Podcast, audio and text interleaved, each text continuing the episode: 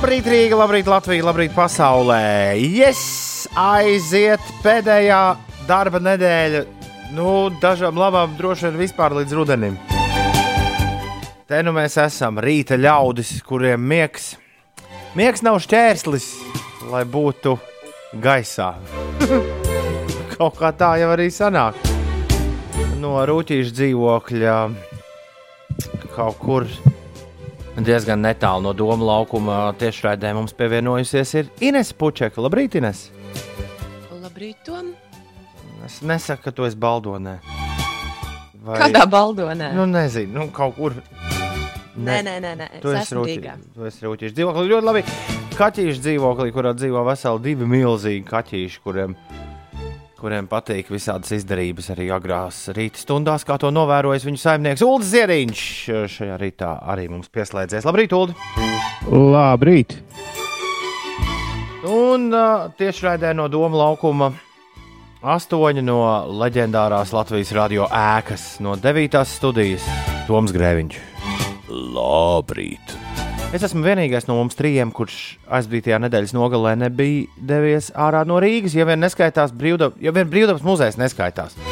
Jo pēc Rīgas satiksmes loģikas brīvdabas muzejs vairs nav Rīga. Uh, Ah, ja? Nu, jā, tu nevari aizbraukt uz brīvdabas muzeju ar nekādu normālu transporta līdzekli. Pat tu vari braukt ar kaut kādu reģionālu autobusu, kurš nekur nav norādīts pieturvietās, un kuram ir ļoti daudz ciparu - četri cipari. Vai tur tiešām uz berģiem neiet nekāds transports? Nē, nu, klausies, iet, iet. Bet neiet nu, tāds manai centra cilvēka galvai saprotams transports. Bet, eh, jā, sestdien man bija, man bija tas gods un laime pavadīt visu dienu ar bērniem. Bez uh, grēviņa kundzes un sacīs darīts, braucam uz brīvdabas muzeju. Tā kā vecākā dēla Everta drauga ģimene arī teicās, ka pievienosies, tad braucam agri. Proti, 11. jābūt jau tur. Jā, tas priekš mums ir agri. O, Tad mēs tā lēnā solī izsoļojam cauri visam rajonam, aizsoļojam līdz teikai, līdz zemetāna laukumam. Tur Google saka, ka tam autobusam jābūt.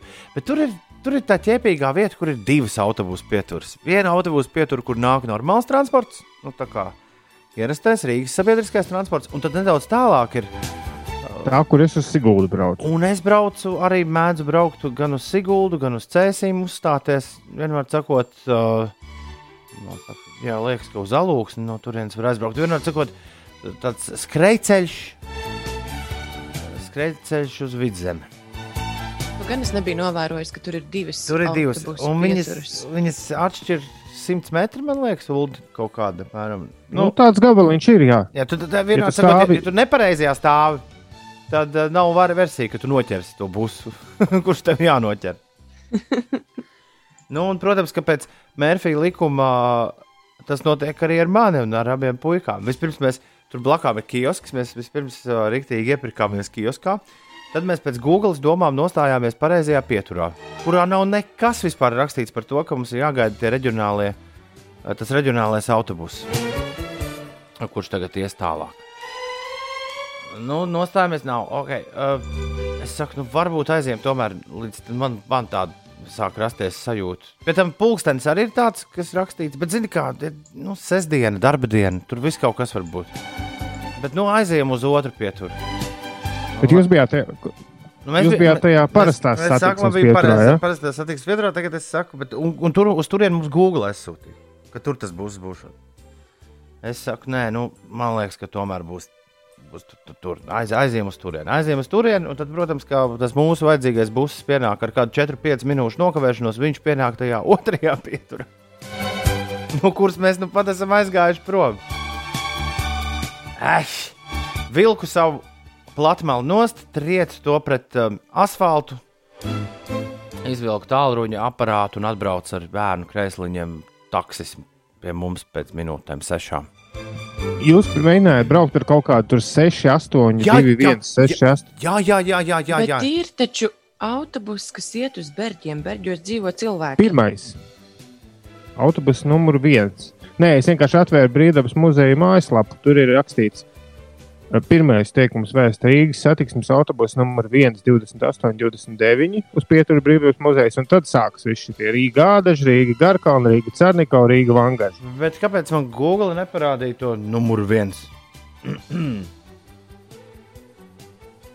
Ba- Tu atvēri muzeja lapu, Nē, jo Google rāda tikai kaut kādu mazu citātiņu no tās lapas. nē, nē, es, nē, nē tu nesaproti. Es pēdējā laikā arī par Rīgu pārvietojos vienkārši Google kartēs ierakstot man vajadzīgo adresi, un tad viņš man pasaka, kas man kā man tālāk jādara. Aha. Jā, cik šis ir uzticams, es īsti nezinu. Jā. No kurienes Google kartes ņem šo te? Jo es vakar pētīju bankomātus Google kartēs, un tur nav visi. Piemēram, pie Matīs tirgus tie ban- bankomāti tur ir tikai daži no tiem, kas tur ir realitātē. Tā kā nu, šis man, starp citu, mūsdienu mi mistika. Kā Nā, bet es saprotu, šis būs iet. Tas nā, es viņu noteikti palaidu vienkārši garām, tā mīļi skatoties uz viņu. Mēs pat bijām vajadzīgajā pulkstenī tur. Kāpēc man viņa neparādīja? Ah! Brr. Jā, nu es varu vienīgi ieteikt lielisku lietotni, ko es tagad neatceros ātrumā. Labs jautājums ir, vai sestdien, kā tur sestdien līdz galam bija? Kāda bija pašsajūta jums? Bija brīvdiena vai bija darba diena? Jo aizbraucot uz brīvdabas muzeju, bija skaidrs, ka ir darba diena. Tāpēc, ka cilvēku pieplūdums, kur es tur biju gaidījis, man tā bija ienācis prātā, ka tur varētu būt diezgan daudz cilvēku. Ah, ah. Nevēlu. Viena muzeja daļa bija slēgta, jo tur filmēja kaut kādu filmu, tā kā darba diena, nu, kā kinošņiki filmē ko. Mhm, jā. Tad bija kāzanieki kaut kādi saradās vienā brīdī, un vīri ar velosipēdiem. Kas man bija jaunums, ka brīvdabas muzejā tu vari braukt ar velosipēdu. Nu, jā. Um, o, Atradu kafejnīcu. Vienīgais, ko var pateikt par brīvdabas muzeju, jaunu, ko neesmu nekad iepriekš teicis, atradu kafejnīcu, kādu iepriekš nebiju atradis. Bērniem, protams, bija vislielākais prieks, jo viņiem pēkšņi savējās piparkūks. Tad es novēlēju viņiem priecīgus Ziemassvētkus, nopirku piparkūkus un viss bija laimīgi. Bet nu viss beidzās labi, jā. Nē, nē, protams, protams. Protams, protams, kā, tad, kā tas savādāk varēja beigties. Tas bija forši. Nu, labi, bet jūs bijāt īsti, pa īstam ārā no pilsētas. Es, tā kā, pa, es cerēju, ka skaitīsies. es esmu bijis ārā no pilsētas, bet, ja, ja pirmais autobuss tur tomēr brauc, tad, tad tā laikam visi nebūs. Bet, uh, Kur tur ir robeža? Jo man mūždien mulsina tas, ka tieši pretī brīvdabas muzejam atrodas Garkalnas pagasta uh, dome. Nu, tur mazliet, mazliet uz priekšu. man liekas, ka Jā, tur ir doma jau. Vai nav tā, kā aiz šmepa tajā veikala kultūras namā. ir uzraksts Rīga? Es teiktu, ka tur ir arī robeža. Nē, Rīga uzraksts ir tajā kalniņā pirms. Bet tas ir aizbrīvdabas muzeja. Tas ir aizdir brīvdabas Tā kā brīvdabas muzejs vēl ir Rīgā.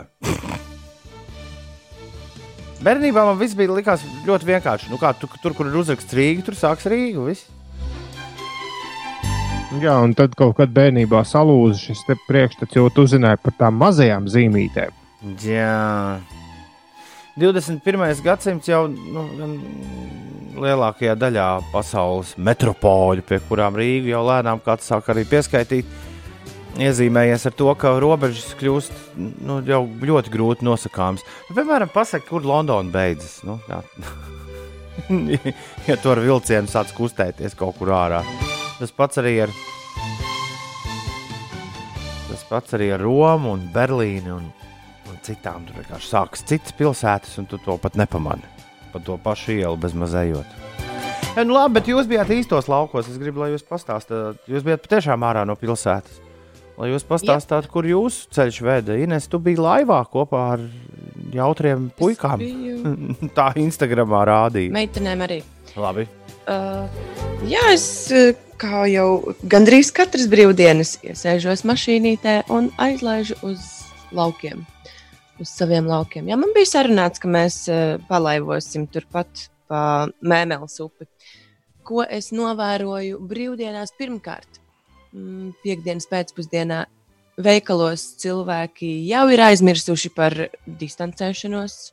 Ir daži pārtikas veikali, kur cilvēki drūzmējās, un, un pēc tam, pēc tiem dažiem mēnešiem, kas ir pavadīti ieturot šo distanci, kas vēl joprojām ir jāietur, man tā ļoti neomalīgi likās. Man ļoti patīk ietur distanci veikalā. Tas varētu palikt arī, arī visu laiku tā. Tev nebija bet, cilvēki, kas teica, bet tu taču beidzies. Ir. Mm, nē, es ar cilvēkiem nemēģināju kontaktēties vai viņiem iestāstīt kaut ko. Es vienkārši sapratu, ka šajā veikalā man nepatīk nopirkt ātri to, ko man vajag nopirkt, un laidīšos projām. Jā, un brīvdienas es pavadīju ļoti labi. Kā jau Toms teica, laivojot, laiks bija labs. Vismaz sestdien bija ļoti labs. Svētdien mēs dabījām mazliet lietutiņu, bet Bet, kā es vienmēr esmu teikusi, galvenais ir piemērots apģērbs, un tad viss ir kārtībā. Un tev bija piemērots apģērbs? Tev... Protams, ka man bija. Jēj! Tad viss kārtībā. Jā, jā, jā. Forši, un kā tev ar piemēroto apģērbu? Tev bija vajadzīgs īpaši piemērots, vai ne? Viņš? Man vēl pirms tam man vēl Inesē jautājums, lai mazliet uzbūvētu ainiņu par tavu dzīvi vairāk, liet, nu, plašāk. man vienmēr liekas, ka tu aizbrauc uz laukiem, nu, kā pie vecākiem, un tad tur ir, nu, bet tev tur ir, nu, draudziņa tāda kompānija. Tu tur kaut kur, Arī? vai tie cilvēki, ar ko tu laivoji, tie ir paņemti līdzi? Paņemt līdzi no Rīgas? Nē, tie ir nu, jā. vietējie novada cilvēki. Tā, jā, tad, tad tev, tu, tu aizbrauc uz turieni, tev tur ir visādi draugi vēl no skolas laika un kaut kā tā. Ja? Vai... Jā, Jā. Ah. Viens no viņiem mums regulāri raksta par Ines misijas laiku. Jā, nē, nē, nē, nē, nē. tas nav. tas nav viens no Viņš viņiem. Maskējas noteikti. Tu nemaz nezini, kurš tas, tas ir. Kāds... Es pilnīgi noteikti zinu, ka tas nav no tās kompānijas, ar ko es pavadīju šīs brīvdienas. Okay. Jā. Nē, es tikai gribēju zināt, jo man, piemēram, Siguldā ir tā, ka man ir diezgan jāpameklē nu, tādu veco laiku draugu kompāniju, jo visi ir kaut kur pagaisuši, kur kurais, un lai cik dīvaini nebūtu. No jaunākiem laikiem vairāk cilvēki ir pārvākušies uz Sigūdu dzīvot, nekā es tur pazīstu no bērnības. Nu, daudz ir kaut kur pārzemēm, daudz ir Rīgā, un, un savukārt daudz rīznieki ir ievākušies Sigūdā no jauna, kurus es pazīstu kā rīzniekus agrāk. Nu, jā. Labi, bet tas tā. Man bija ļoti dinamiska piekdiena un sestdiena, un mazāk dinamiska svētdiena. Jo piekdiena, sestdiena es ļoti jauki izbraucos vienu dienu uz Tukumu pusi, un vienu dienu, sestdienu uz leģendāriem ērgļiem. Un, jā, un interesanti, ka es lietu nesatiku vispār. Sestdien gan bija tāds vējš, es pirmo reizi sajūtu to sajūtu, ka tev pūš no, no ceļa vējš, nevis cits mašīna izraisītu gaisa plūsmu. Bet tas, tas bija arī diezgan interesanti. Un, nu, man liekas, ka mums ar laiku ļoti paveicās, jo piekdienas vakarā apmācās tukuma pusē, un, un, un jau likās, ka tūlīt būs, un nekā nebija. Sestdien vispār bija ideāli, un svētdien arī likās, ka tūlīt līs, un kaut kur Latvijā līja, un arī Rīgā nekas neuzlīja. Rīgā bija, uh, bet nu, tas bija. Uh nu, nesamērcējošs pasākums. Es biju tieši, kaut kā tā jocīgi. Es, tie, es tieši ezera apkārt. Ne, es tieši biju pie ezera. Nu, nokrita lietus lāsas 10, 15. Bija tāda sajūta, ka nu tūlīt sāksies, un nekas nesākās. Tas lietus apgāja Rīgai, Rīgas centram apkārt tā kā tādai liepājai. Nu, kartē izskatījās, ka nāk no Latvijas puses baigais gāziens, un tad viņš pēkšņi sadalījās divās tādās tā kā ķetnās un gāja kaut kur, nu, varētu būt ap, ap tur ķīša zeru, ap to pusi. Vienmēr sakot, vecais labais negājis novedējs iedarbojās šoreiz. Nu, kaut, ja viņš Rīgā ir mums iedarbināts, jā, kaut, kaut kas tur bija. Bet par tiem braucieniem. Es speciāli nu, neskatījos laika prognozi. Es domāju, mm. nu, paņemšu līdzi visas nepieciešamās drēbes, un tad jau ar tiem laikapstākļiem, lai notiek, kas notikdams. Man gan vakar ļoti palīdzēja aplikācija, kas rāda mākoņus nu, tiešraidē.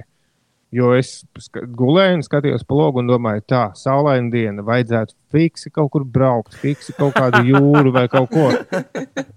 Un paskaties telefonā, un tur tāds mākoņu spilvens nāk virsū, un ir jau kaut kur, nu jau tepat jau virs robežiem, un, un tūlīt būs Rīgā, un saprot, ah, nē, var gulēt mierīgi. Un tā arī nu, nu, gandrīz tā vakar Aplikācija izdarīju. sauc sl- Sliņķvezers. Nu, sliņķvedē. Nu, kaut kas tāds bija. Un, un bija bet īstenībā pareizi arī bija. Jo laiks bija tāds, ka ar, ar motociklu braukt varētu, bet bija domājis vakar atpūsties. Sauļoties, nevajag līdz ar to mierīgi sirdi sēdēt, spēlēt visādi šmiksboks, un ko tik vēl nesatīrīja māju. Un, lā, lā, lā. Cik tā izteikti Pagaid, aktīvs, pagaid. aktīvs dzīves. Tu teici, sauļoties nevajag. Nevarēja nozīmē, ka tu- vakar. À, man izklausījās, ka tu teici, sauļoties nevajadzēja vakardien. Jo tad man tev būtu bijis jautājums par to, vai tā ir tāda obligātā lieta, kas vasarā ir jādara. Nu, pāris minūtītes obligāti jāpasauļojās, lai iegūtu attiecīgo iedegumu. D vitamīnu. D vitamīnu. Vai iedegumu. Grēviņa kundzei sestdien no rīta bija pienākus, pienācis kaut kāds brīdinājums par to, ka saule sāk kļūt tāda nikna. Es dabūju bērnu ziest ar, ar saules krēmu. Bet, Ir, pa- jā, jā, jā, bet jā. pats pēc tam, man liekas, pēcpusdienā bišķiņi pasēdēja saulītē un nekas traks ar mani nav noticis.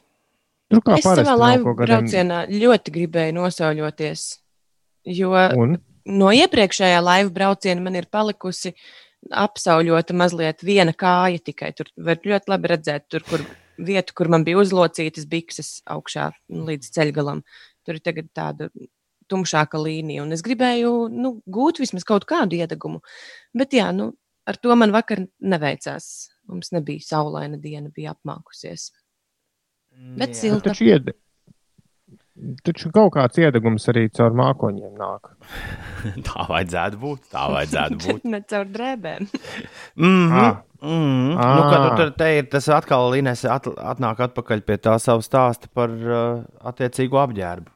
Pareizo apģērbu situācijai. Es vairāk biju gatavojusies lietum, bet es cerēju, ka spīdēs saule. E, nu, kur tad līgos? Ir pēdējais laiks sākt atbildēt uz šo jautājumu. Es pa mājām. Es, pils, es baudīšu pilnīgi tukšo pilsētu. Es ceru. Uh, Tiesa bija pēdējos mēnešos diezgan labi iespēja to jau izbaudīt. Tāpēc varbūt šis baudījums nebūs tik liels kā, kā iepriekš, bet es nekur negrasos doties. Man patīk, man patīk Jāņa pilsētā. Zinu, kuku, bet tā tas ir. Bet šogad taču nebūs nekādas diskotēkas. Un, un... nu, un? Bet cilvēki arī cerams nebūs. Ne tik forši aiziet uz veikalu, lai viena cilvēka nav. Es sāku to, es neticu, ka tu labi prātu, mīļi prātu iet kādreiz uz krasmalu de, de, dejot pie tuts, tuts, tuts. Vienreiz mēs, ar cieņu. vienreiz mēs ar riteņiem kaut kādos sešos no rīta tur gan esam bijuši, nevis dejot. Bet, uh, bet kāds bija mūsu mērķis, kāpēc mēs tur braucām, to es jau vairs neatceros. Jā. Nē, nē, viss cieņa cilvēkiem, kas to visu tur rīko. Jo vienkārši pazīstami, bet, bet, jā, bet, Bet šogad tā- nebūs. Šogad nebūs. Šogad nebūs. Vispār, jā, kas šogad notiks vispār? Šo, mēs esam vēl tādu gaisā parauti. Vai būs kaut kur auto jāņi?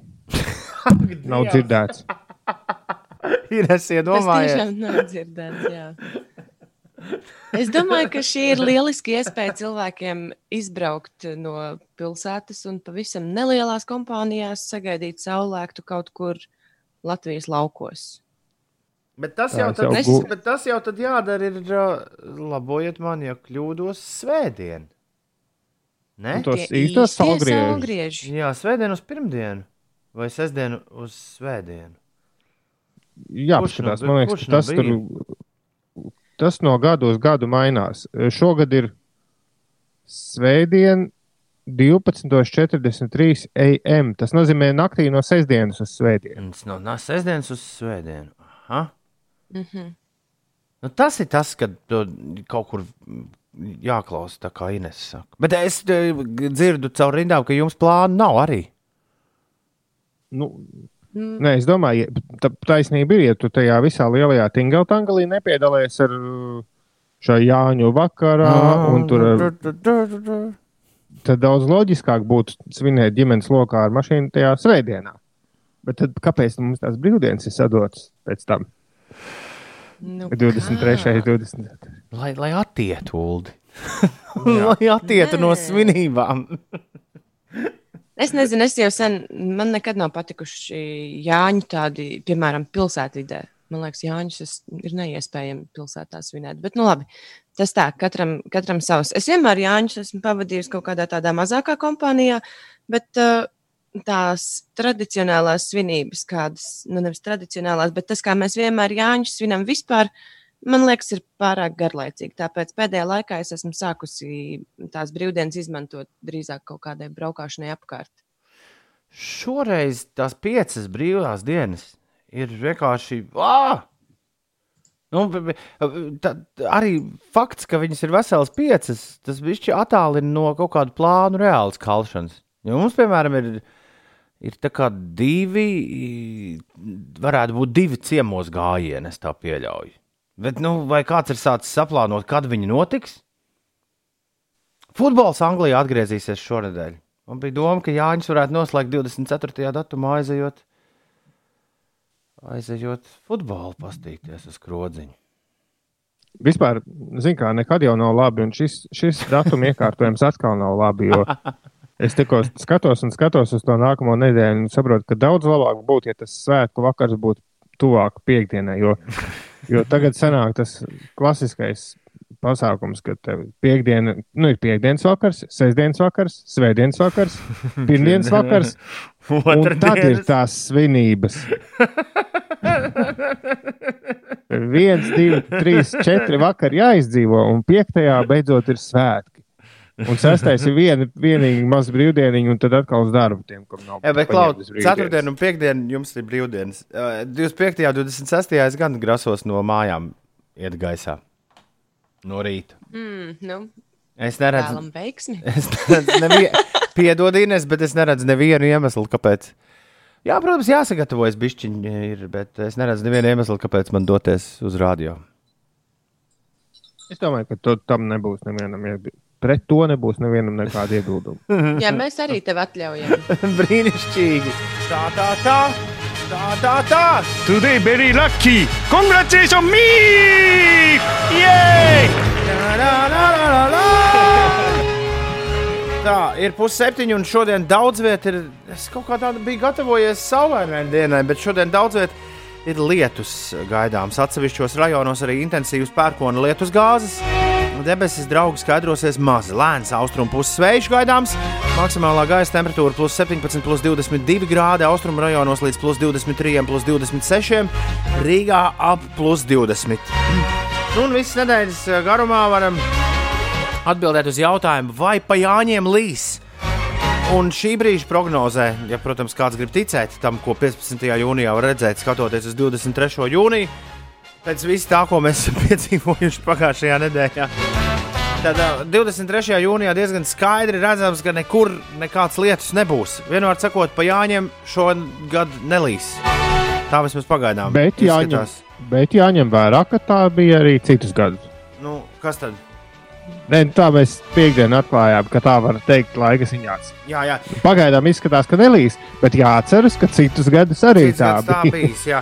Eh, Bet, eh, es gribēju no jums noskaidrot, Ines, un Ulu, vai es esmu metodi pareizi izdarījis, lai tā uzreiz pa visu Latviju pateiktu. Es esmu iedūris Liepājā, Alūksnē un Reizeknē un Rīgā. Nu, 23. jūnija prognoze, un nekur nav nokrišņi. Vai pēc šiem četriem punktiem var droši teikt, ka visā Latvijā nebūs lietus?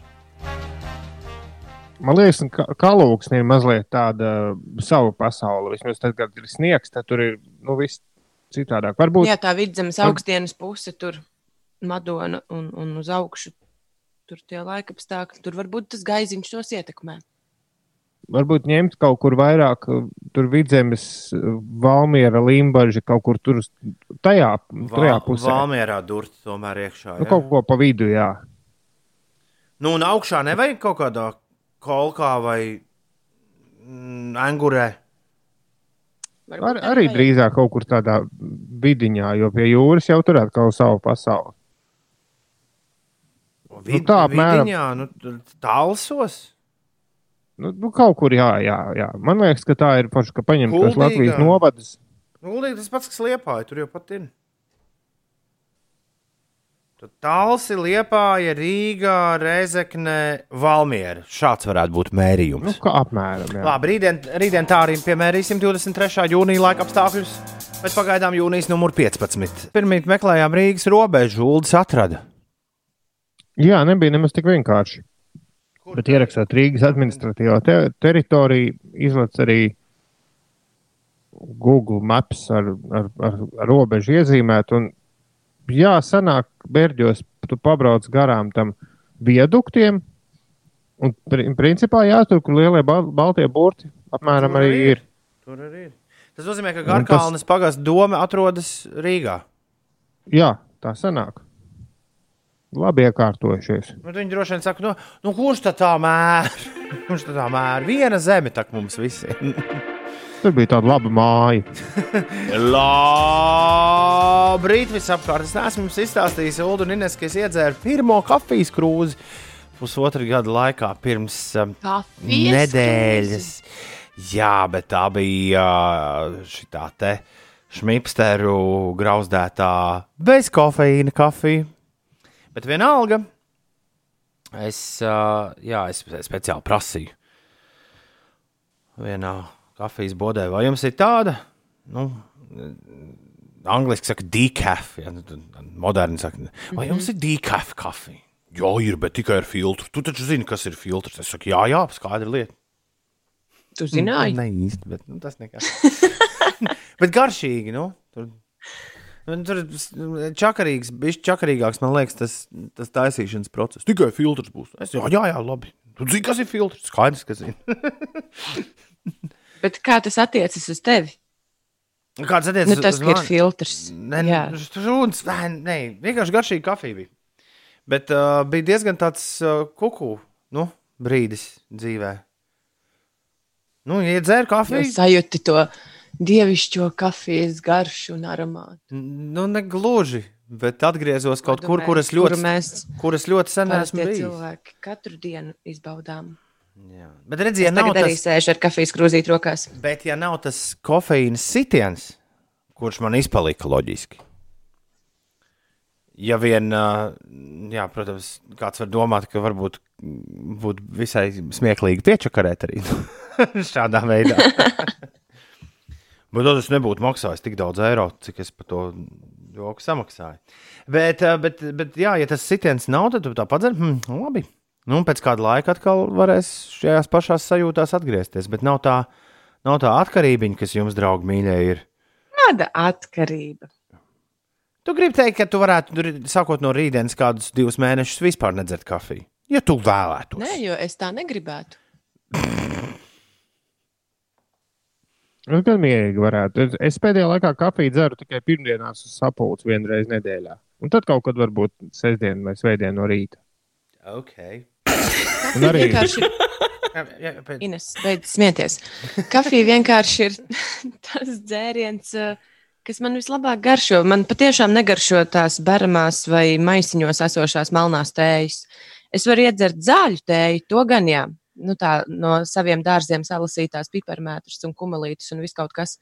Bet viss, kas ir maisiņos veikalā, nu, man negaršo vienkārši. Es pirmie aizspiedu tavu Inesu pogu garām. Es gribēju patiesībā nospiest šo.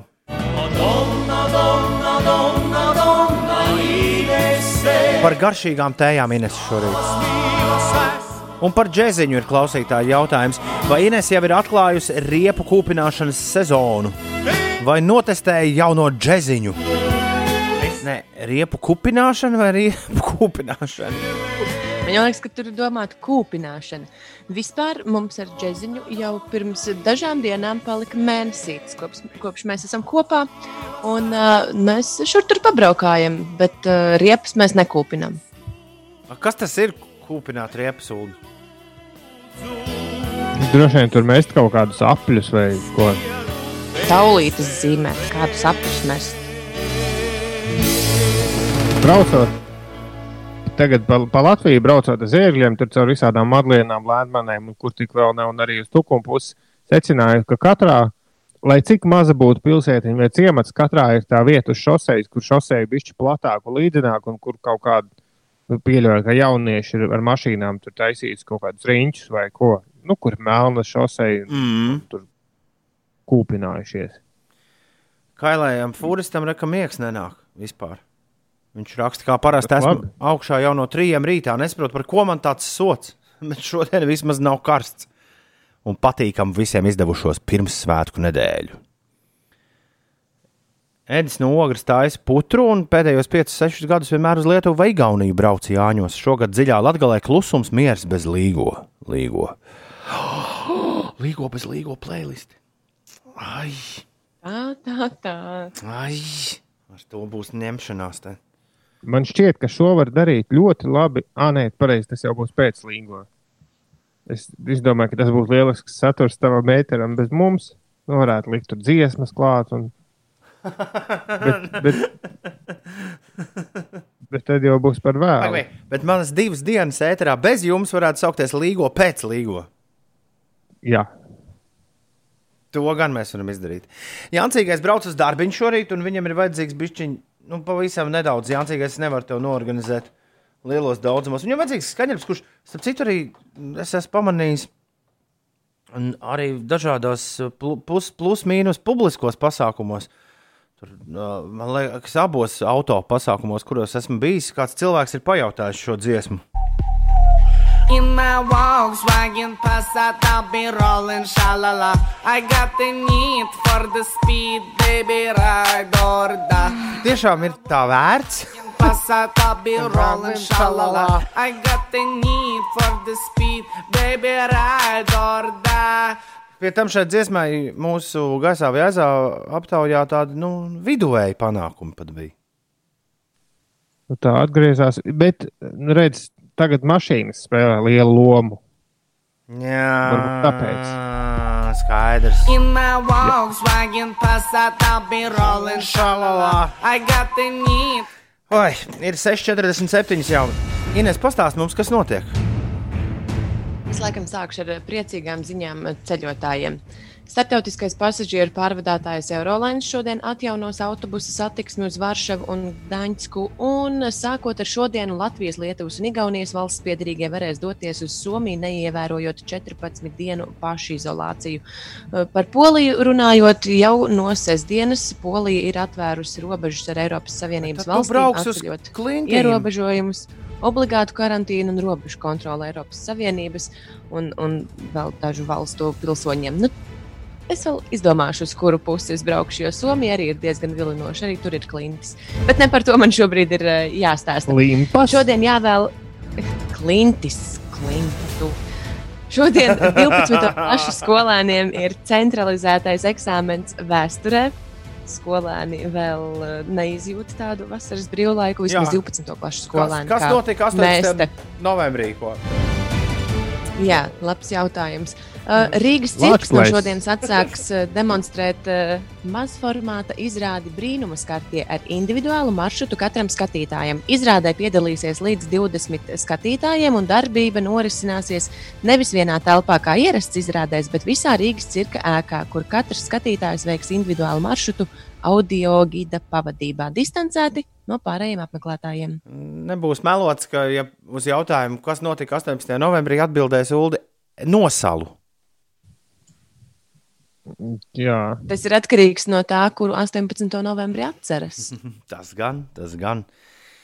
Bet nu, tautas kolektīvajā atmiņā mums ir tomēr viens konkrēts 18. novembris, kas jāatceras.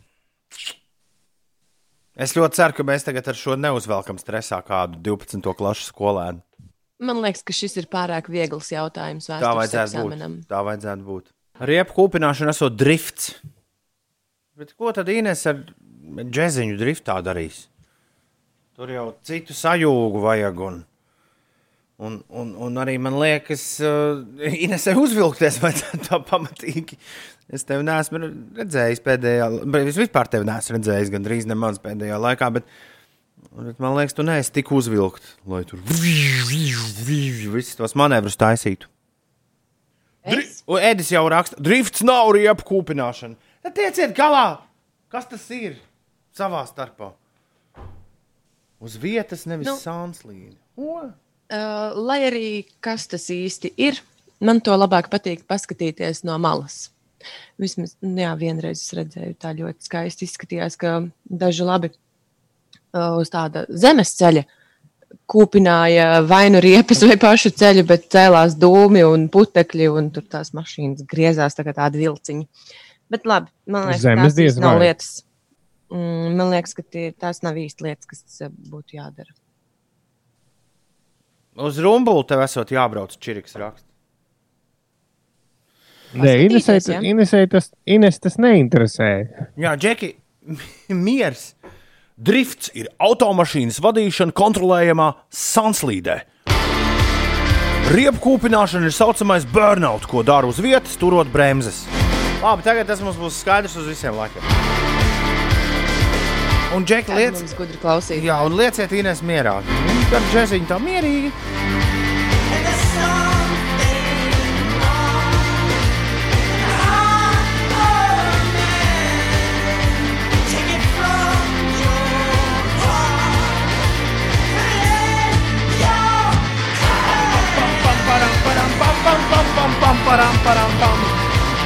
Ei!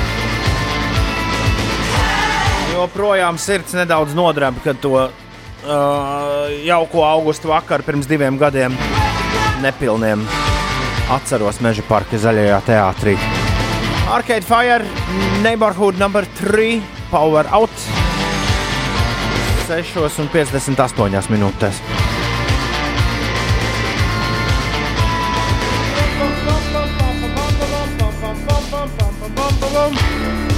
Ārā baigi tumšs. Tas nozīmē, ka atkal vesela kaudze aizgulēsies. Cerams, jau ka nē. Bet jums ar mūžumu viss kārtībā, kā jau pirmdienās. Es ceru, Ines. Jā, protams, viss ir kārtībā. Uldī, mošs kā kaķis. Jā, Tu gan vēl, Jā. Tu, tu gan vēl aizgāji gulēt kaut kā. Nu, jā, bet tā- es? Jūs abi aizgājāt tik, tik vēlu gulēt. Ines tev arī bija pēc vieniem. Žēl, ka tu pateici, es gribēju nē. klausītājiem prasīt, lai viņi uzmin, cik jūs skaitās jums. Vēlu. Es aizgāju gulēt mazliet pirms vieniem. Tad es vēlāk. Ha, Kā jūs šo, kā jūs organismu spēj šo izturēt? Es saprotu, Nespēja Uldis, es saprotu, Uldis Ines kaut kad at, atgāzīsies šodien uz divu stundu naudu kā minimums. Bet tu taču tā nedarīsi. Nē, jo šī ir producēšanas O, nedēļa. jā, jā, jā. Nē, nu traks var par jums palikt. Šeit Latvijas Rādio 5,5 LV 5 rītī. Grēmķis studijā Ines rūtīšos, Ulds kaķīšos. Jā, pamodās tikko. Jā, bet kaķi tiešām nav mund mundrākie dzīvnieki pasaulē. Nevar būt. Cik tur tās stundas? Vai 18 diennaktī? Tā bija laikam, tā bija. Wow! Nu, jā, Kaķiem tā tik ir dzīve. Jā, Ines, jā, bet- jā, jā. bet, bet joki mazi, jo es pagājušo es secināju, ka pagājušo nedēļu, jo man, man iet tā kā augšā un lejā. Ir nedēļas, kad es saņemos un eju gulēt jau ap desmitiem, un tad 11. aizmiegu, un tad jau ir labi tās 6 stundas miega, un vēl pa dienu pagulēt super. Un ir nedēļas tā kā pagājusī, kad nu, visas dienas ir tik daudz kas darāms, ka nu, patīkams lietas gan pārsvarā, bet kad tajā vakarā tu atbrauc un vēl gribas kaut ko tur paskatīties un kaut ko un pienāk pusnakts nemanot. Un ja tā dara nedēļu, es abus vakarus, gan piekdienu, gan sestdienu, īsi pēc pusnakts vienkārši bez tur kaut kāda, nu, nebija tā, ka es biju sadzēries stipru tēju vai kaut ko. Vienkārši sēdi un skaties kaut ko televizorā un galva sāk klanīties. Tik tālu, ka es pat sestdien es, es iesāku skatīties kaut kādu Džona Klīza lekciju. Tad izdomāju, jā, tas ir YouTube, to es varu skatīties jebkurā laikā, ieslēgšu televizoru. Spaidot pulti, es aizmigu tajā brīdī, ka es neatceros, uz ko es kaut ko sāku skatīties, bet tas bija jau miegā, spaidot pulti, un es pat neatceros, kas tas bija. Pamodos divos naktī, aizgāju gulēt. Piektdien Es vienu pats. brīdi mēģināju sevi pieredzināt pie kaut kādas gulētiešanas disciplīnas. Tas vēl bija, man liekas, šajā ziemā. Bet uh, sākās tā visa pandēmija un viss kaut kas, un ai, tieši tas- gulēt, tas, ko es sanāks. Ejot gadiem, vienā brīdī organisms pasakā, ja, ok, ja tu ej gulēt pusnaktī, tad tu ies gulēt pusnaktī arī piekdienas sestdien. Nebūs te nekāda ilgāka pasēdēšana pie televizora. Aizmieg, aizmieg tā kā rāmuri pa galvu. Nu, tā ka tiešām tu neko nevar izdarīt. Vienkārši uznāk miegs un viss. Jā. Tālāk. Tā kā Klausies, tev bija pastaigta pa vecrīgu, tāpēc jau ar tu noguri. jo tev bija, tu bija ekskursijā sestdienas vakarā. Es neesmu dzirdējis par secinājumiem neko. Jā, pirmkārt, pasteigta vecrīga bija ļoti, uh, ļoti tikla, ja tā varētu teikt, jo es tikai vienā vietā piesēdu un tad vēl vienā vietā pa ceļam uz mājām. Tā kā es, nu, tā nebija nogurdinoša pasteigta. Drīzāk tiešām staigāju un skatījos, kā notiek. Secinājums ir, nē, zin kā, Nē, nezinu. Laikam, laikam ka tas pozitīvais ir tas, ko, ko nu, raksta arī visādi tur Amerikas doktori un viss kaut kas, ka, ka nu, ārā apstākļos tomēr ir drošāk nekā iekštelpās. Ja šis viss notiktu lietainā dienā kaut kādos kafejnīcās iekšā, tad droši vien būtu par kaut ko ļoti jāuztraucas. Okay. Bet, kā es Instagramā jau stāstīju, ļaud, policija tiešām ir daudz. Un ļaudis eh, krodziņos, kafejnīcās diezgan rūpīgi skatās, lai tur būtu cik tur tie cilvēki. Pie katra galdiņa galdiņi ir sa sabīdīti un neļauj tos galdiņus tā nu, bīdīt tur kaut kā, kā ienāk prātā, lai, lai būtu ievērotas tās distances. Un tā kā tas viss notiek ārtelpās, tad tas vēl salīdzinoši ir nu, drošāk nekā tas būtu iekštelpās. Cilvēku bija. Daudz, ui. Vi, viss ir pilns, viss ir nu, tā kā pagājušā vasarā. Bet no kurienes tad ir uzradušies viņi? No Igaunijas un Lietuvas? Nē, nu, nē, pārsvarā nē, nu, pārs, nebija tā, ka tikai turisti, pārsvarā vietējie. Bet ļoti diezgan daudz krieviski runājošu bija, bija lietuvieši, un tad bija visādi nu, angliski runājošie, kuru, kuru izcelsmi tā arī nesapratu. Negribējās iet prasīt. Bet, nu, laikam jau jāskatās reāli. Mums, mūsu tā situācija ir tik pozitīva šeit, Latvijā, nu, ka mēs varam atļauties riskēt krietni tālāk nekā citas valstis. Un, un man liekas, ka nu, pēc tā visa cipariņiem, kas ir mūsu saslimušo dati, lielākās briesmas draud kaut kādi iebraucēji no nu, visticamāk Zviedrijas, kur ir piktīgi, struntīgi šobrīd. Ko visi slavē, jo ir kā Zviedrijai forši, Zviedrijai forši. Respektīvi, ka mēs esam kaut kādā veidā, mums ir ļoti paveicies un jācer, ka veiksies arī turpmāk. Grēviņa kundze man atsūtīja naktī, naktī no sestdienas uz svētdienu. Viņa dzīvē bija devusies ar draugiem. Viņa man atsūtīja bildi no Tallinas kvartāla, kuru mēs pieminējām šovā arī pagājušajā nedēļā.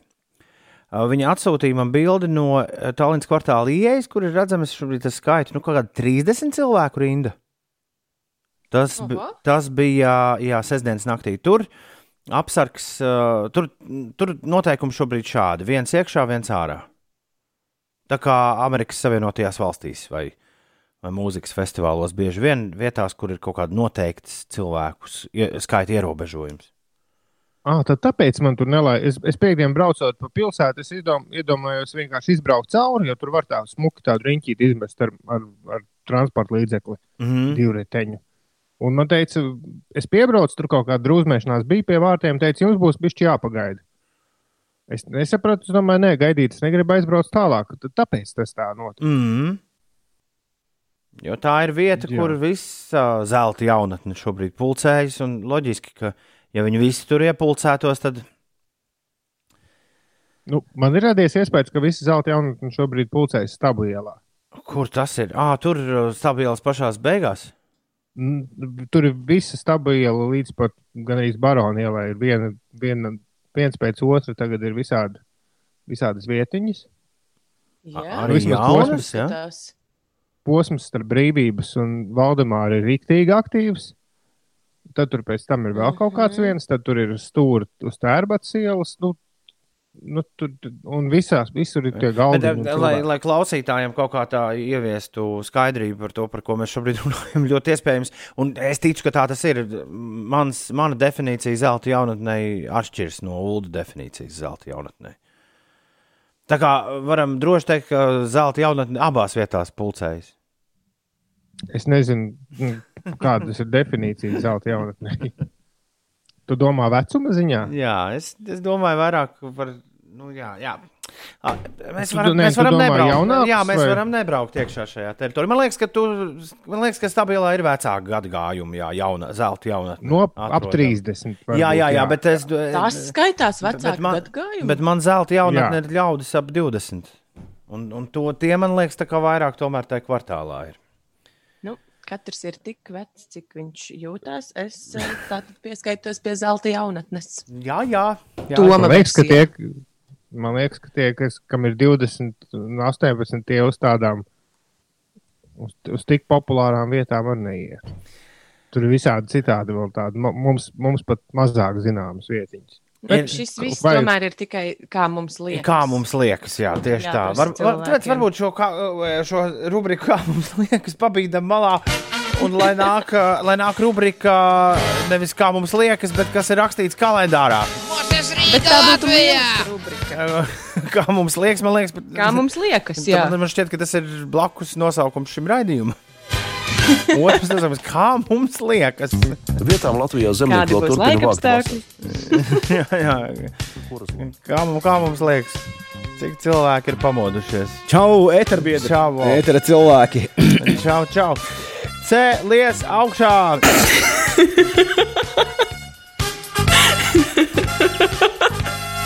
Lai brīnišķīga diena!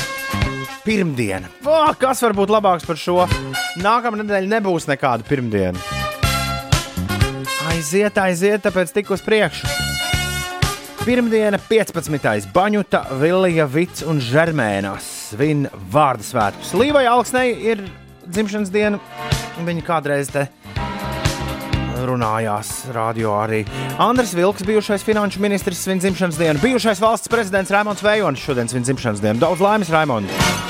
Žurnālistam Jānim Domburam ir dzimšanas diena, amerikāņu aktrisei Helēnai Hantai, amerikāņu aktierim un dziedātājam Nīlam Patrikam Harrisam ir dzimšanas diena, amerikāņu aktrise un producente Courtney Cox svin dzimšanas dienu. Amerikāņu reperis Ice Cube ir starp jubilāriem. Vācu futbolistam Oliveram Kānam, Olī, šodien dzimšanas diena. Snow Patrol solistam Gerijam Lightbodijam ir dzimšanas diena. No Girls Aloud Nadīna Koila. Jā, Nadīna Koils viņa dzimšanas diena. No Slade Nodijas Holders. Svin dzimšanas dienu. Un Ksiņģiņa Pinks. Ksiņģiņa Pinks. Man liekas, ka tā viņa arī izrunā. Ķīnas Šī, man liekas, Džinpings. Bet šī, vai ne? Šiņim ping. Nim. Nim. Today very lucky. Ne, ne. Congratulations me! Šiņim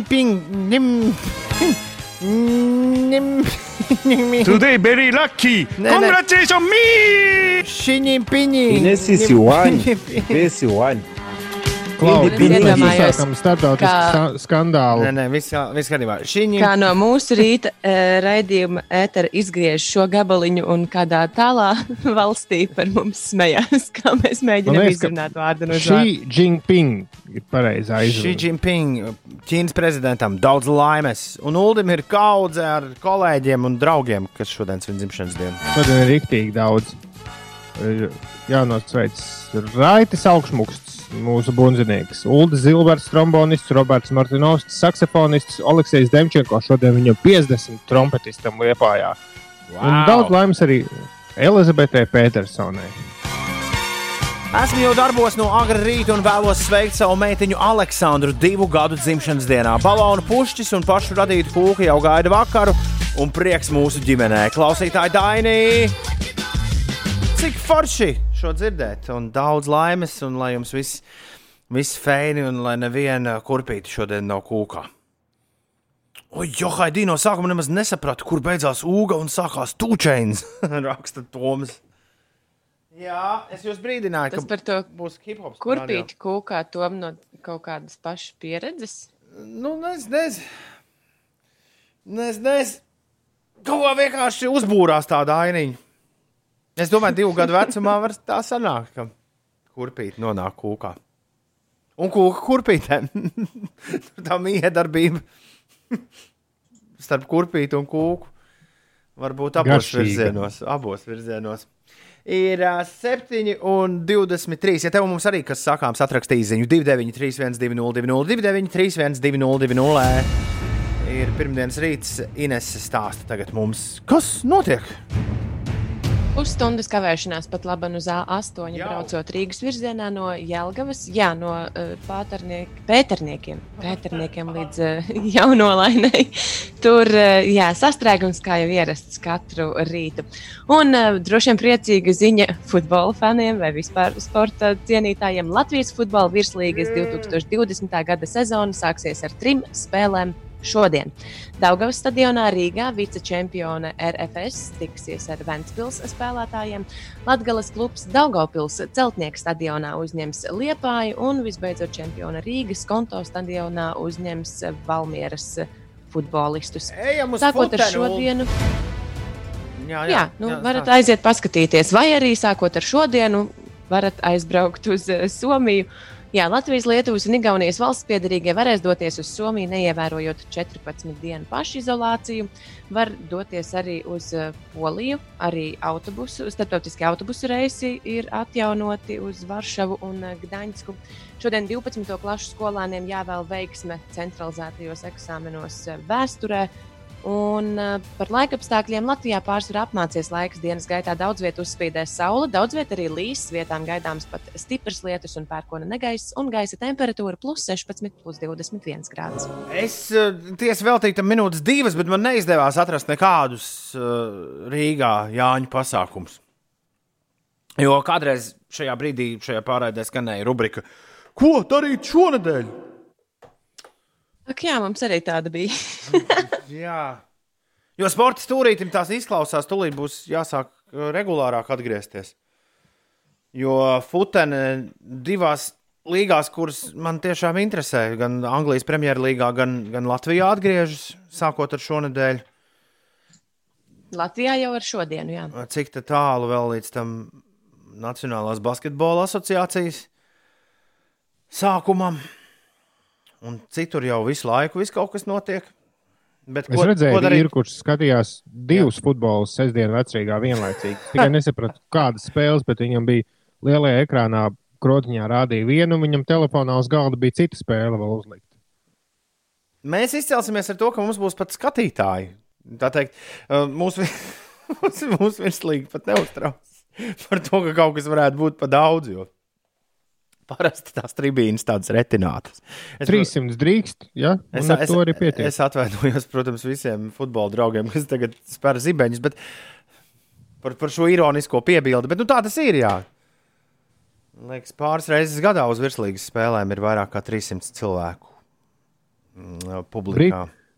Britu tajā otrajā līgā klubi vāc vairāki klubi ļauj iesūtīt cilvēkiem viņu bildes pilnā augumā, un viņi taisīs kartonu tos. Nu, katrs fans var nolikt sevi stadionā. Nopietni! Jā, Cik Var jauki. aizsūtīt savu Nu, jā, bildi. visās nezinu, preses bildēs tevi redzēs, it kā tu būtu bijis stadionā. Nu, ja tas droši vien kaut ko- kaut ko. laikam maksā, bet tu tādā veidā arī atbalsti savu klubu. Un, jā, un, un, bet, nu, es sapratu, ka tur būs nu, tos manekens, vai nevis manekens, bet nu, kartona tāda cilvēku bildes lielas. Tās būs daudz. Nebūs tā, ka tu viens tur sēdi. Nu, katrs fans var iesūtīt sevi. Tā, jā. Jāapskatās, Tas varētu būt visai interesanti. cik tas maksā. Interesanti. Bet, ja kāds ir dzirdējis par kaut kādām mazām, bet tomēr publiskām līgos svinībām un ar to uh, saistītu kādu pasākumu, atsūtiet mums ziņu uz 293, 202, 293, 202. Es ļoti labprāt gan pats uzzinātu, gan arī visiem pārējiem nodotu ziņu, kas un kā. Ir pusaustoņi no rīta. Ziediņš savā vietā, puķis savējā, grēviņš savējā.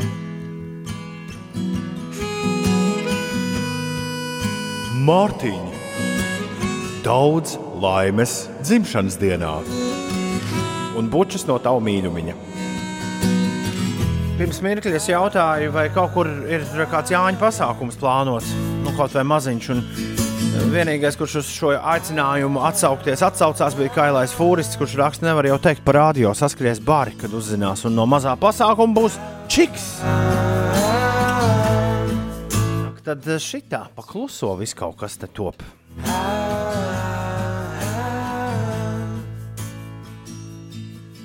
Ir 7,36 minūtes. Labrīt! Šīs dziesmas sākumā es nepārāk veiksmīgi apsveicu, man, visam, man šķīta, nepārāk veiksmīgi apsveicu Mārtiņu no mīļotās. Ne, man liekas, ļoti jauki. No Elīnas. Uh, Viņa nerakstīja, lai saka, ka no Elīnas. Viņa rakstīja, lai pasakā tieši to, ko tu pateici.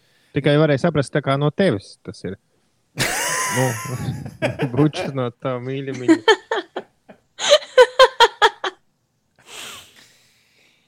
nu, Tas tā. Katrs saprot to, ko viņš grib saprast. Ja? Gribēju nodot lielos sveicienus jaunajai slavēnu ģimenei. Vadinieks raksta, hip, hip, hurrā! Lai arī kā ģimenes galva pēc lieliskajiem svētkiem gribētu atrasties mājās, viņš atrodas blakus mašīnā un braucam uz darbu. Atbildīgs cilvēks visos laikos. Sveicu vēlreiz! Slāvēniem no vadinieka sveiciens. Un lai. tā es, Jā, droši vien. nē, nē, viss. Es par, par kaut ko citu jau. Nu, ko nu, nu, saki, par ko tu? Nē, es skatos, ka Kivanuka būs Ko, koncerts ko lūdzu? Sigūdas pilsdrupās svētdien. Vai te nav? Nebūs pārcel- jau laikam, bet tur, tur nav īsti, man liekas, vismaz Facebookā viņam ierakstījuši, ka atcelts vai pārcelts. Mm, Nu, es skatos, kā, kādu pasākumu šodien plānot, un pārsteigts ieraudzīju, o, Kivanuka pilsdrupās. tu vari nopirkt biļeti arī uz to, starp citu. Šis ir interesanti. es aizrakstīšu, es zinu, nu, es pazīstu šo lietuviešu organizē. Es, aiz, es aizrakstīšu, pajautāšu, kas par, kas par samu. Jo, jo Sigu, viņiem ir arī Viņā koncerts, un tas ir pārcelts uz nākamo gadu. Jā, bet Kivanukas koncerts. Es redzu, tu vari nopirkt biļeti. Re, kur ir? Pirkt biļeti. Tā, Spiežam virsū. Pērkam. Jā, var. Jā, mierīgi. sektors. Ines, Brīvs. tas tik nu būtu, ne? Svētdienas vakarā uz Maiklu Kivanuku aiziet. Jā, nu, man šīs, šī vasara man ir tādā dabas zīmē. Es labprātāk pavadu laiku kaut kur ārā. Bet Sigūdas pilsdrupas jau ir pie dabas. Nu, kaut kā aktīvāk un ārā. Bet labi, tas katram savs. Nezinu, nezinu. Ja mēs tev piespiestu un iedabūtu Siguldas estrādē iekšā, kad ieskan šīs skaņas. Gan jau, ka tev sirds aptece aptekalētos. Did you ever want it? Eš. Did you want it bad? Jā, es, es šo Maikla Kivanukas mistēriju nu apsolos noskaidrot. Nekad nevaru saprast, bija Kristaps raksta, vai Ines tiešām smejas, vai Toms Džinglu ir palaidis. It īpaši, ja To klausās, nekad nevar zināt. it īpaši, ja klausās telefonā, jo es uh, sestdien no rīta uh, ieslēdzu uzsildītās brokastis un noķēru, noķēru atkal uh, ļoti dīvainu sajūtu. Jo telefonā uh, visas frekvences sastājas tā, ka izklausās, ka tu esi studijā ar mani kopā, Ines. Tas ir ļoti labi. Un Man arī, priecē tas, jā. ka mana tehnika ir tik laba, ka nevar atšķirt, vai es esmu mājās vai studijā. Uh, Nu, jā, šādi lūk. Bet uh, nu, tas nu ir jāmin. Nekādas citas jau versijas nav. Ir jāmēģina uzminēt, kurā mirklī Ines smejas pa īstam, kurā mirklī Ines šmaucas un smejas ierakstā. Tagad Ines tūlīt smiesies. Bet vai tas būs ierakstā vai dzīvojā? Laiks noskaidrot.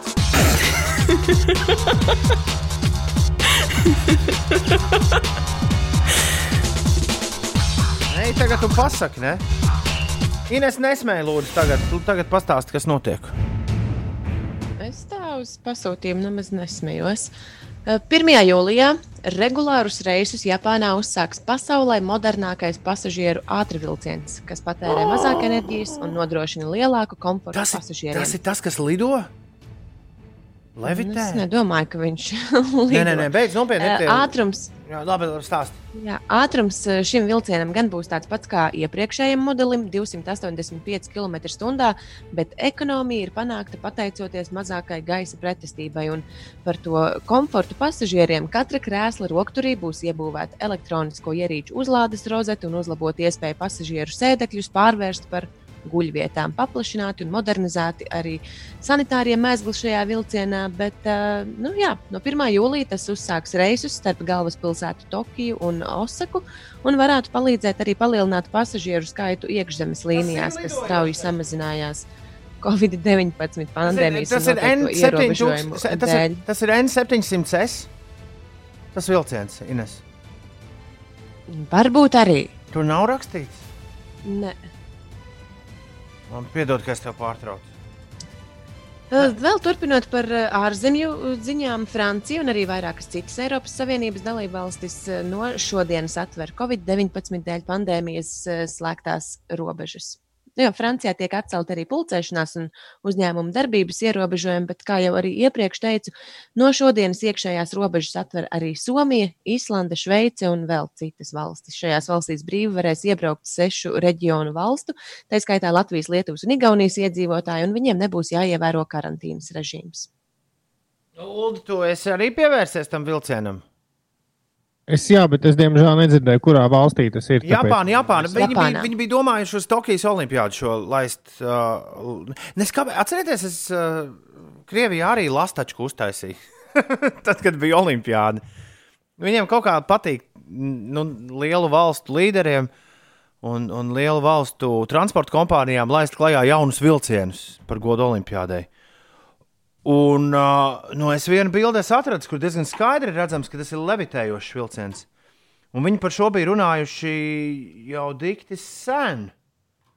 Ka tā ir vispār nu, visa vilciena pasaules eh, nākotne. Ka vilciens tā kā ir. eh, Nu, es negribu tagad samelot. Pusmetru virs sliedēm. Un, un tā kā lido pa tām. Nu, pusmetru nē. Nu, mazā, labi, mazāk. Bet, jā, varbūt kādam no jums pie radioaparāta ir kaut kas vairāk par šo zi- zināms. Jo es te, nu, tās bildes, kuras es ātrumā atrodu, ir šādas tādas, un tekstus lasīt man nav laika. Bet, jebkurā gadījumā, Tā. tas jaunais supervilciens iet gaisā šodien, kā Ines to stāstīja. Jā. Tā, es tagad la lasu, vai tas ir maglev vilciens, ja Ah, magnetika. Maglev, tā, tā viņa bija. Jā. Ir 7,48. Ulu beidz lasīt. Mums tagad citas lietas, kas jādara. Ines, Ines geogrāfijas spēle tagad būs. Jā, jā, jā, draugi, mīļie. Esmu sagatavojis jums geogrāfijas spēli.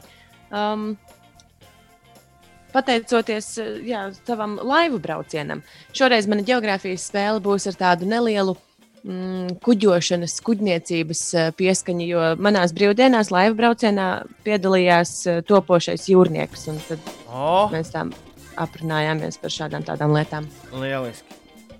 Nu, lai tik Jā. vaļā. Aiziet, pirmais tāds vienkāršais jautājums, lai iesildītos.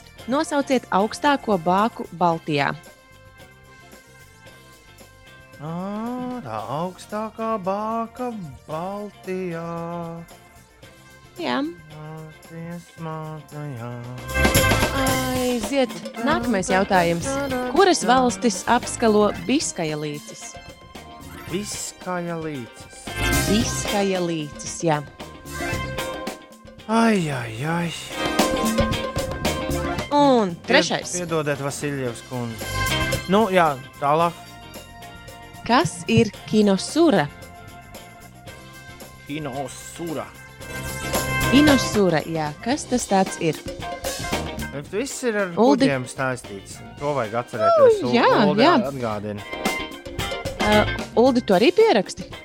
Jā, jā. Jā, viss kārtībā. Labi. Ka trešais jautājums. aizmirst? Nē, ceturtais. Nu jā, ceturtais jautājums. Kas ir Es vienkārši laga? nejaucos pa vidu tev. Ah, tas ir ļoti jauki. Paldies, Ulu. Vismaz, vismaz viens no mums ar manierēm kāpjas no gultas ārā. Jā.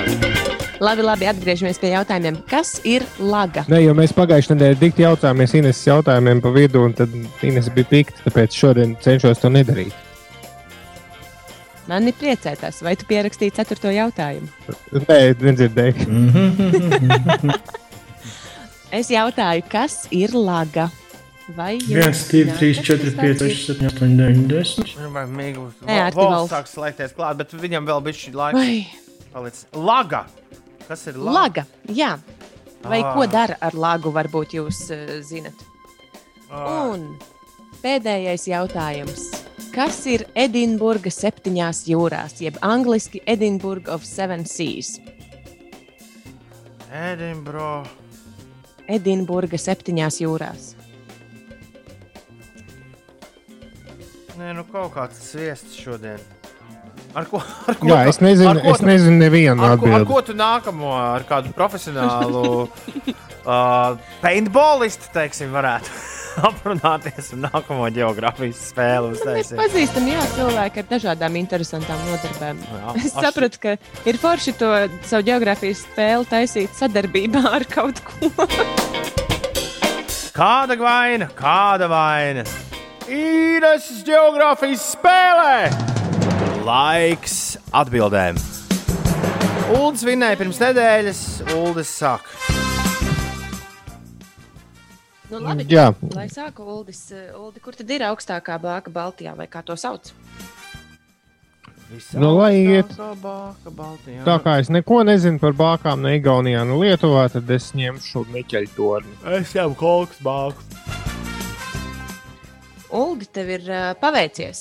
Ja tu domā torni. Miķeļu torni, Miķeļu bāku, tad, uh, tad jā, tā ir augstākā bāka Baltijā, Kur un tā tā- ir 62 kur metrus augsta. Tā ir Latvijā. Kur? Miķeļu tornī. Nu, Kur? Miķeļu tornī. Kur? Kurā vietā? Nu, kādā krastā? Nu? Mm, kādā, kra... mm, kādā krastā? Nu, Bēnspils pusē tas ir. Mm, okay. Netālu no liela ir bez sīkāka Jā, jauna bet tagad tu lasi Google. Labi, Nu, uh, jā, jā, bet nu, nē, es esmu tur bijis vienkārši. cik jauki. Es Apsve tur ap neesmu bijusi, bet jā, tā ir uh, rietumu krastā. apsveicu ar punktu. Uldi. Cik Starp ovišiem un uh, mazirbi. kas par veiksmi? Labi, varbūt Tom tev veiksies uh, nākamajā jautājumā. Kuras valstis apskalo Biskai līci? Indi. Indija un Taizemi un vēl kaut ko tur. Mm, ok, varbūt arī neveiksies. Es, es maldos šobrīd pa vidusjūru, jo es vienā brīdī domāju, ka es jaucu to ar Bosforu, bet Bos- Bosfora ir savu, savu šaurums. Un ir, ir līnija ap Itāliju, bet es min, minēšu, ka tā ir Spānija un Francija. Uldi kāda necerēta veiksme. šoreiz tu esi uzminējis pareizi. Jā, tā ir Spānija un Francija. Tas ir tas līdzeklis, pie kā ir Barcelona, vai ne? Barcelona. Nu, Jā. laikam tas Ā, ir. Neuzdo, Inesai nevajag uzdot jautājumus par jautājumiem. Labi, ejam uz priekšu. Trešais jautājums varbūt Ja tu negribi, lai- šoreiz tev paveiksies. Varbūt. Kas ir kinosūra? Uldim jāatbild. Man ir divi varianti. Viens varētu būt pareizs, bet labi, es teikšu, ka tas ir vējš. Es saku, ka tas ir kaut kāds jūras šaurums pie Japānas. Um, nu, mēģinājāt, bet tomēr nē. Kinosūra ir polāra zvaigzne. Un, uh, man jau liekas, ka kuģniecībā tā aizvien ir tāda galvenā zvaigzne. Lai gan tas Aurora. jaunais jūrnieku puika uh, teica, ka, ka būtībā norentēties var pēc jebkuras zvaigznes, ja vien zina, kas tā ir par zvaigzni. Bet, jā, Bet kāpēc tāds nosaukums jocīgs? To gan es neizpētīju. Jā, viņš tāds japānisks uh, liekas, bet uh, tas ir otrs polārs zvaigznes nosaukums. Ok. Labi, kas ir laga? Laga ir tas uh, kaut, kāds, kaut kāda ieparīta, ar kuru tu pievelc klāt uh, kuģi pie krasta. Mhm. Jā, Nu, es saku, jā. ka tas ir kaut kas, ar ko mēra kuģi iegrimi. Mm, Mīnu. Nē. Šoreiz eh, neviens minējums nebūs pareizs. Ļoti labi. Vismaz. Uh, jā. Laga ir navigācijas instruments, ar to jūrnieki nosaka, nu, vismaz man liekas, ka vēsturiski vairāk noteica kuģa ātrumu pret ūdeni. Uh, tas ir tas instruments, ar kuru mēra tos mezglus, ar kādu tas Ah. ātrums, ar kādu kuģis brauc. Speedometrs. jūrā. Skaidrs. Speedometrs. Nu, un kas Ulu ir Un- Edinburgh of Seven Seas? Nevis Edinburgh, bet Edinburga Ne, septiņās Bet jūrās. angliski ir A- Angliski ir Edinburgh. Edinburgh. Labi. Uh, labi, lai iet slavens kuģis. Nu, tam ir jābūt kuģim. Es arī saku, kuģis. Otrs variants man bija bāka. Nē, tas nav kuģis. Un tā arī nav bāka. Tā ir uh, galvaspilsēta Tristana da Kūnas. Es ceru, ka es pareizi izrunāju šīs uh, salas nosaukumu. Jā, tā ir galvaspilsēta šajā salā, un tā ir pasaulē nomaļākā apdzīvotā uh, vieta Kur tev ir? jūrā. Tas ir ļoti lakonisks skaidrojums jautājums šorīt, Ines. Nu, tad, kad es gribu izskaidrot jautājumus, tad jūs man neļaujat skaidrot. Tad, kad es neesmu apskatījusi līdz galam lietas, ko es jums varētu pastāstīt par jautājumiem, tad jūs gribat, lai es eh, skaidroju, kā tad man darīt. Man šķiet, ka tavs uh, bažas bija, bija vietā, jo šo salu tiešām sauc Tristana da Kuņas sala. Nu, es pareizi. Vulkāniska kaut kā salu grupa nezināju Atlantijas. Man šķiet, ka kap, pateikt. kapteinī grāmatā par viņām tur runā. katrs taču zina, Tristana kuģis sauc. Labi. 2-0. Apsveic, Ulu. Pareizais laiks ir uh, 8 no rīta. Un Biskai 15. līdz vien- Laga vēsturiski zlojas raksta. Bija virve ar mezgliem, kuru meta pāri bortam un uzņēma laiku. Cik daudz mezglus izrauja pāri bortam noteiktā laikā, tāds arī ātrums. Un tāpēc arī mūsdienās joprojām kuģu ātrumu mēra mezglos. Šis ir lielisks stāsts. Jā, to Cik es ir vakar, mezgls? Uh, to es vakar arī lasīju. Man liekas, ka mezgls ir tāda maza 18 virvīte, km kurā stundā. sasieti mezgliņi. Mez, viens mezgls, Nē, bet tie ir 10 mezgli. Man bija, man bija Nē, viens 18 mezgls kilometri. ir uh, 1,85 km. Jā, Okay. Un, un, un vēl par vilcienu, kurš gan nebija geogrāfijas spēlē, bet ar ko sākās mūsu, mūsu izziņa par nezināmām lietām. Briedis saka, ka tas ir parasts lodveida vilciens, un tas nav Maglev. Tas, um, tā nav tā Tie tehnoloģija. tie bullet train nav šie levitējošie. Es to arī atradu. Jā. Bet es vēl, ne, es vēl nesen, nu, pirms pāris gadiem biju kaut kādā. Nevis kaut kādā es biju milzīgā vilciena izstādē Beļģijā, un tur, viņi, tur bija vesels tiem levitējošiem vilcieniem arī vesel, no, vesels nodalījums noveltīts. Par tādiem domā tomēr pasauli šobrīd. Bet viņi varēs, ja es pareizi saprotu, tad no ārprātīgi uzņemt ātrumu. Šobrīd kaut kas Jā, bet viņš šobrīd jau nav gaisā. Viņš ir tā kā ar tādu, nu, tādām tā kā ķepām apkampis to sliedi. Viņš nepieskaras viņai. Nu, viņš nepieskaras, bet viņš ir ļoti, nu, viņš nav tā, ka viņš lidotu. Nu, sajūta tev būs, ka viņš lidos. Viņam, ne, nu, viņš, viņam nav saskares ar sliedi. Kad tu tur sēdēsi, tev būs ļoti lēzens viss tas brauciens. Nu, jā, nu, man šķiet, ka tajos, kas ir mūsdienu ātrie vilcieni, kas iet virs 200 km/h, arī nejūt. Taču. Nu, Taisnība. Bet tur jūt bišķi kaut kādu kustību, tā kā pa labi, pa kreisi. Man liekas, ka šis būs tāds baigi tāds. Fiu. Labi, uh, štuns par to, bet uh, parasts lodveida vilciens ir tas, par ko Ines stāstīja tā briedis raksta, kas tur braukājas gadiem, tikai ar nedaudz uzlabotu pludlīniju.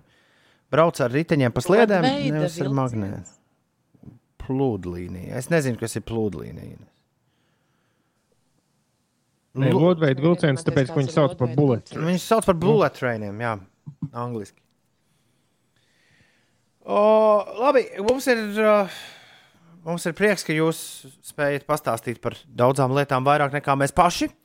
Bet uh, ir 8 minūtes pāri 8, un man ir svarīgs paziņojums. Mūsu, man un Ulim, labam draugam un paziņam, Ines arī man liekas, viņš sveicinātu uz ielas. Nu, tā vajadzētu būt. Esam šur tur tikušies, jā. Jā, Kasparam Breidakam šodien Jēzus vecums. Jā, un ieskatoties uz viņiem Vau. studijā, kur nu, ir pieejams video streams, nu nemaz neizskatās, ka, ka būtu kādi svētki. Jā, Kasparam Breidakam, uh, kurš ir uh, 105,2 frekvencē šorīt dzirdams, ir dzimšanas diena, un, un kaut kā mēs viņu un Sandu esam īpaši sākuši apsveikt. Ēterā. Tāpēc būtu laiks mums uh, atkal lūgt jums ķerties pie tālruņiem, bet šoreiz mēs vēlamies kaut ko, kaut ko tādu īpašāku. Nu, būtu Jā. tik fēni, ja mēs katrs aizsūtītu kaut ko pavisam, pavisam citu. Nu, jā, jo uh, es, kā es lasīju, tad Jēzus vecums ir tas vecums, kad nu, vīrietim, īpaši vīrietim, droši vien arī sievietē, bet tas kas param mazāk šobrīd aktuāli, uh, laiks nākt pie prāta. Tā, Nu, sāksim, ir ar, to- sāksim ar telefonu numuru. Kas mums ir jāraksta? Ir? Mums būs jāsūta īsiņa uz 273, 9933.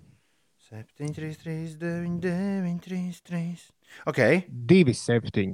Jā, sākumā. Ah, es, tur, es tur jau 27. esmu sūtījis par sandu vai gludekli izslēdzi, ka arī gūti rādīt. Nu, jā, jā, bet šoreiz sūtīsim katrs kaut ko savu. Un tā kā ir laiks nākt pie prāta Kasparam, un viņš kā jau, nu, kā jau radio DJs un improvizators, nu, laikam jau nav vēl nācis pie prāta. Nu, kā visi normāli cilvēki. Tad viņam vajadzētu kaut kādus vērtīgus padomus. Bet svētkos. sāksim visas izziņas ar nāc pie prāta. Vai arī laiks nākt pie prāta? Nu, to var izvēlēties kādā. Es rakstu nāc pie prāta. Nu, es viņam, vē, es viņam, uh, es viņam vēlēšu beidzot spodrini zābakus ikdienu. Šis ir mans. Lūdzu, nevienam citam šo nedarīt. Tad nāc pie prāta. Bet kaut kā, kā tas būtu? Nu, var sakot, šādus praktiskus padomus varētu viņam sūtīt. Es varētu mēģināt kaut ko par kulināriju izdarīt. Tev nav rokās tālrunis. Tev nav rokās tālrunis, jāraksta tagad. Ir Ines. Tas nestrādās Es, pēc es piecām jau minūtēm. cenšos uh, izdomāt. Nu, beidzot Man ir rokās tālrunis. Ikdienu es esmu gatavs sūtīt. Ulu, ko tu sūtīsi Kasparam? Es sūtīšu, ka zobakmeni ar superlīmu var noņemt. Viktors, prasa, šis ir īstais Fui, numurs. Uldi. Ir, ir īstais šoreiz. 2733, 9933. Uz to mēs Es sūtām. esmu nolēmusi tomēr kādu saprātīgu padomu dot.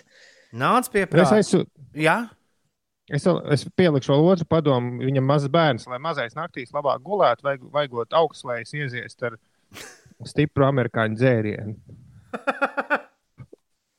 Ak, šausmas!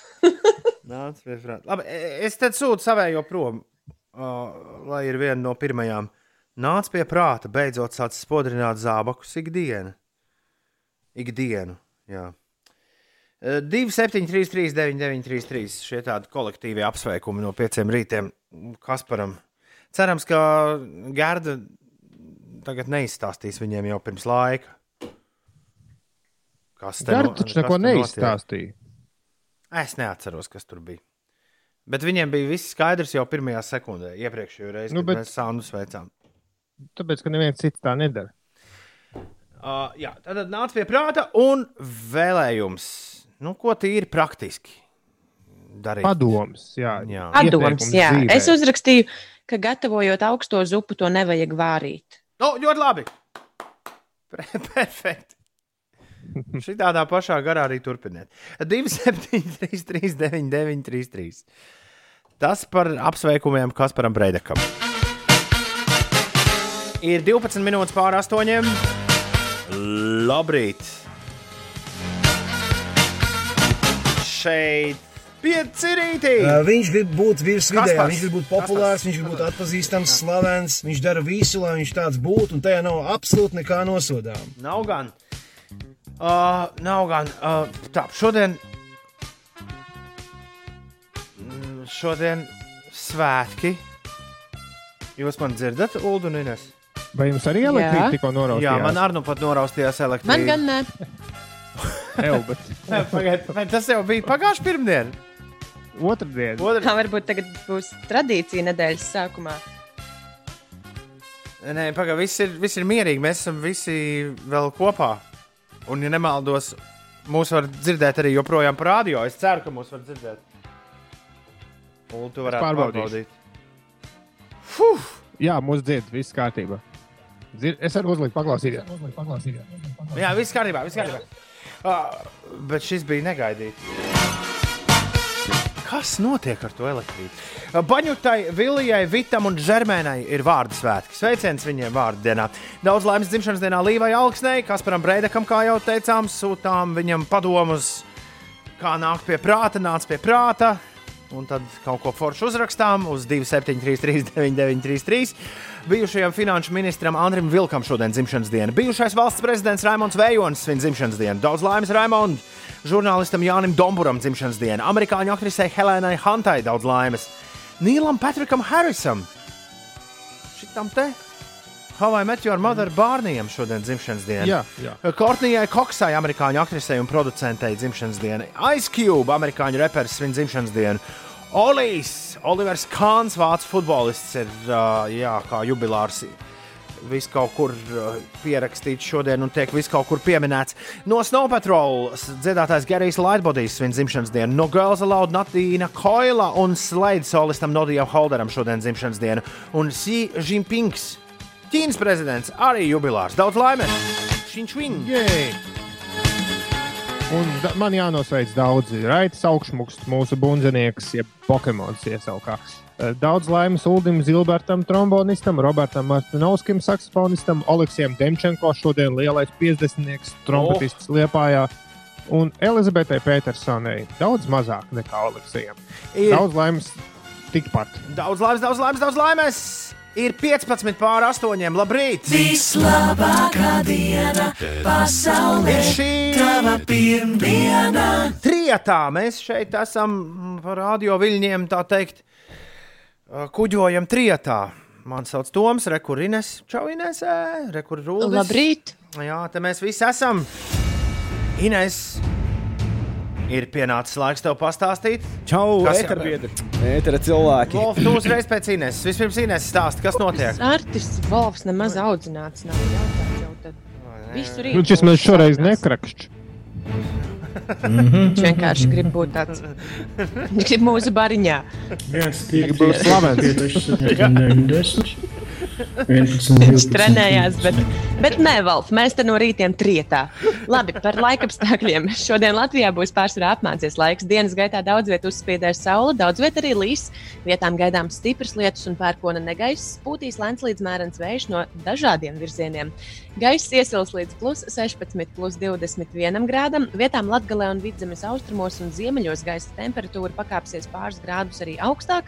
Savukārt Rīgā pa laikam eh, gaidāms lietus, iespējams arī pērkona lietus gāzes, un saule gaisu sasildīs līdz plus 20 grādu atzīmē.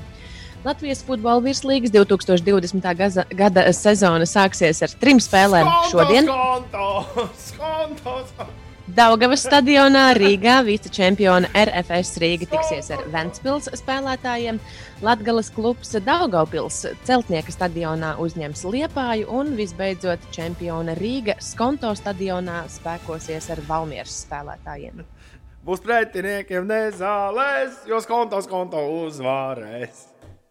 Tāds ir tas galvenais sauklis. Nu, nav Rīgas konto komanda, nav jau gadus daudz. Jā, Es domāju, ka tu par, eh, nu, par to, ka spēles Skonto stadionā notiek un tad Nē, nē, nē, nē. nē. Katrai komandai jau pretiniekiem nezāles. Tā ir kā dārzkopju spēlēt. jā, pēc, pēc spēles nevis ziedus dos, bet iedos nezāles. Uh, septi, ā, septiņi, astoņi, astoņi, 24 minūtes ir pareizais laiks. Jau?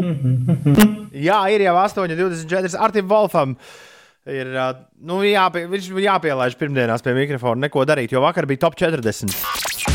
Artis Volfs savu auto mazgā vidēji trīs reizes gadā. Taču valsts svarīgāko hitparādi Latvijas top 40 viņš vada 52 reizes gadā. Latvijas top 40. Svētdienās, 5. pēcpusdienā, 5 LV. Nu, labrīt, labrīt, labrīt, pieci rītī. Te Arts Volfs un beidzot Latvijas top 40 bija dzīvajā. Tas notika vakar. Kāds bija pirmais desmitnieks, to tūlīt arī uzzināsiet. Latvijas top 40. Uz leju par vienu pozīciju Dreigs ar Tūsīs Laida. Kritums par divām vietām - Topik un A7S ar Breaking Me. Astoņi, Mīnus divas pozīcijas Dua Lipa ar Break My Heart. septiņi, Uz augšu par astoņām vietām Harry Styles ar Watermelon Sugar. Plus septiņas pozīcijas Benny un Gas Dapertona ar Super Lonely. Uz leju par trīs vietām The Weekend ar Blinding Lights. četri, Vietu saglabājuši Surfmesa un Emilija ar I Love You Baby. trīs, Vietu saglabājusi arī St. John un Roses. divi, Pagājušās nedēļas numur viens, šonadēļ numur divi - Doja Cat ar Say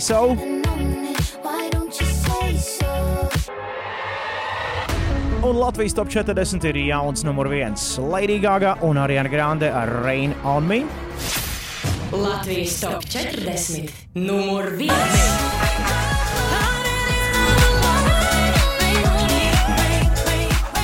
Jā, jauna dziesma pirmajā vietā.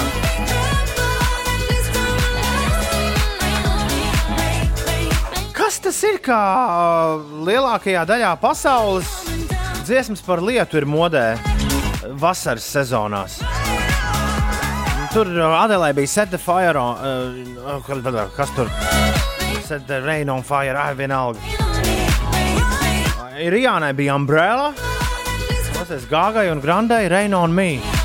Un mega hits numur viens Latvijā - Lady Gaga un Ariana Grande. Rain on me.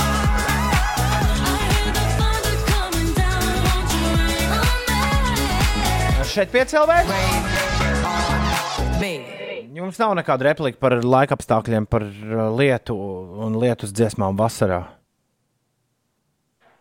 Mm, Laikam- kādu tu gribētu? Nē, es Kāda nezinu, varbūt kāds- atbild uz šo jautājumu? Nav, nav, nekā, nav nekāda atbilde pareizā. Ir vienkārši, nu, vai, vai jums ir varbūt kaut, kāds atjaut, kaut kas atjautīgs ienācis prātā.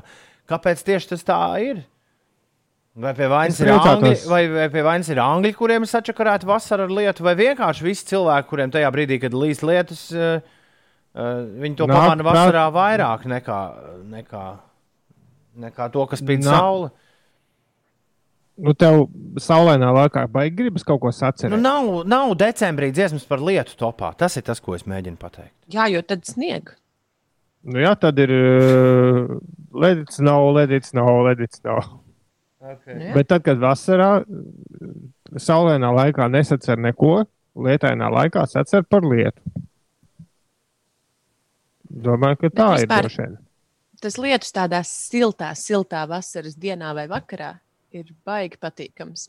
Nu, ja tev nav jābrauc, protams, darba un visu atlikušo dienu jāsēž slapjās drēbēs darbā. Mm. Uh, es vēlos šīs dienas gaisā vai aizā cīņu, kas tūdaļ pat sāksies. Veltīt Sindijai. Sindija saka, man pirmā diena atpakaļ oficiālā, pēc paliec mājās. Manis pēc jau varēja turpināt strādāt no mājām, bet laikam esmu vajadzīga kopējā interjerā. Sindija, Žēl, ka tā ir Indija. Zini, bet vismaz tu esi atpakaļ nu, kaut, kādā, kaut kādā vecajā, ierastajā ritmā ar mums kopā. Jo mājās bija bijis savādāk, vai ne? Sindija, tad veltām mēs tev aptauju, kur joprojām sauc gaisā vai aizā. Metam gaisā vai grūžam aizā! Interesantās mūzikas aptauja. Katru rītu apmēram pēc pusdeviņiem.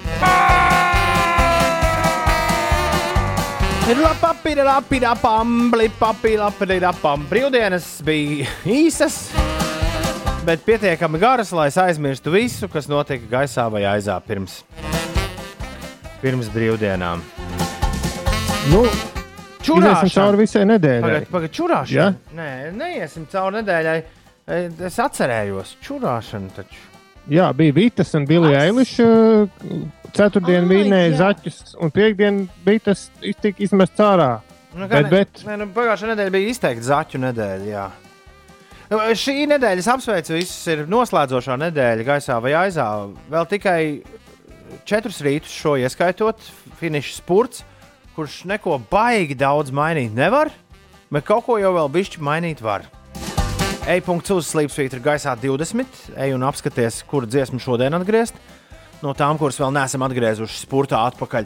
Bet eh, jāsacenšas būs ar čurāšanas dziesmu. Tā ir dziesma, kas atgriezīsies. Jo u- u- gaisā metienus turpina savākt, bet, bet. Reiz kādā brīvdienā iegriezos es apējā, bikses atpogāju es, novilku apakš biksītes, stāvu mierīgs, čurāju, bet pēkšņi roku apčurāju. Zvaigznes nelaimes, mēs, mēs, hu! Nolēmu beigt slaistīt. Labi, es trešo pāntiņu atļaušos nospēlēt rītdien, ja mēs tik tālu tiksim. Jā, bet eh, nu, ļoti interesanti, jo es aizdomājos par dziesmas tekstu, kas ir nu, visai tāds, eh, varbūt nepiemērots bērniem. Bet tā dāma telefona klausulē viņam kaut ko tik konkrēti pateica, un viņa vienalga vēl gāja uz randiņu. Pieklājīgs. varēji tas saklausīt? muk- mukti. Nu, jā. Ai. Ko tad zemtekstu?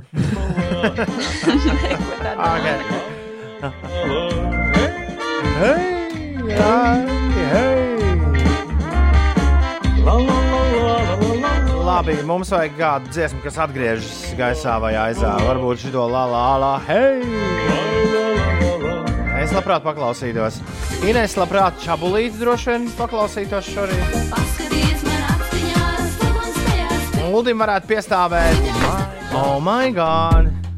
Vai unforgettable?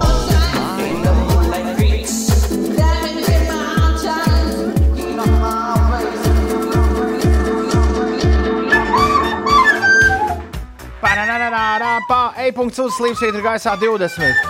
Kam ir jāatgriežas?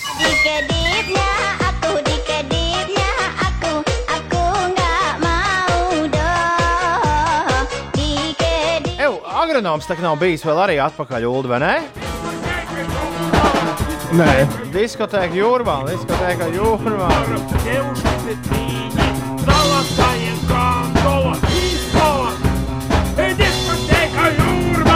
Diskotēka jūrmālā, diskotēka jūrmālā.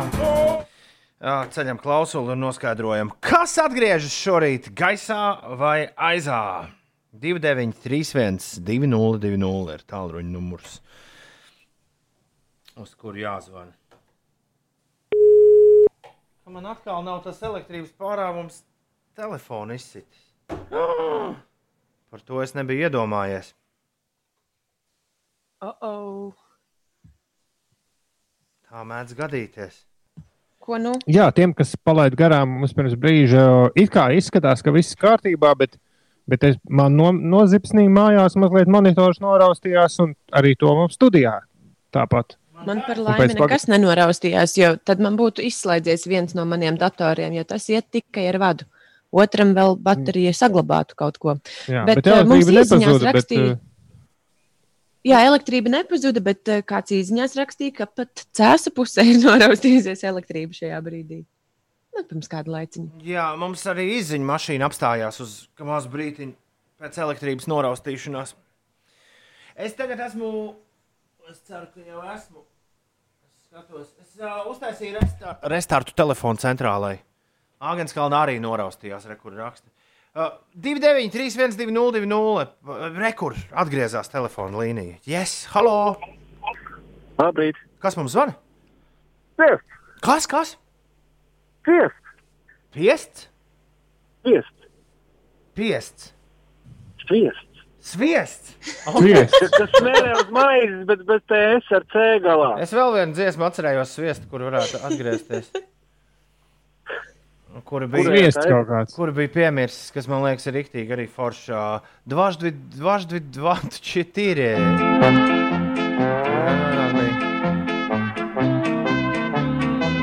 trololo vīrs dziedāja šo. Bet šito tu jau sliki tikko fragmentu. Nē, Vai gribētu to diskotēku jūrmā atgriezt? diskotēka jūrmā tomēr apakaļ. Jā, likt likt pret, eh, bet, bet, bet, bet skanīs gabals, un diskotēkā laikam nebūs īsti izredzes. Labi, patīk tavs sviestgājiens. Jeuški bikini!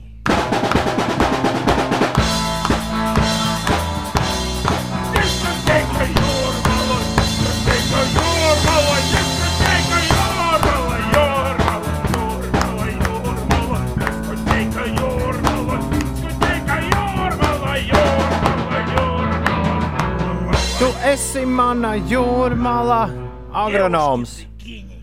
Diskotēka jūrmālā. Šodien pret bet, bet un čurāšanu. Gaisā vai aizā? Interesantās mūzikas aptauja. Uh, agronomam Ulu minēšu, nebija neviena uzvara. Viņš uzreiz tika uh, aizā iemests. Nu, pirmajā reizē, kad bija šeit. Diskotēka jūrmālā mums ir. Jā, uzreiz lidoja. Uzreiz lidoja aizā. Jā. Tur bija zenā pretī, un tur nebija variantu.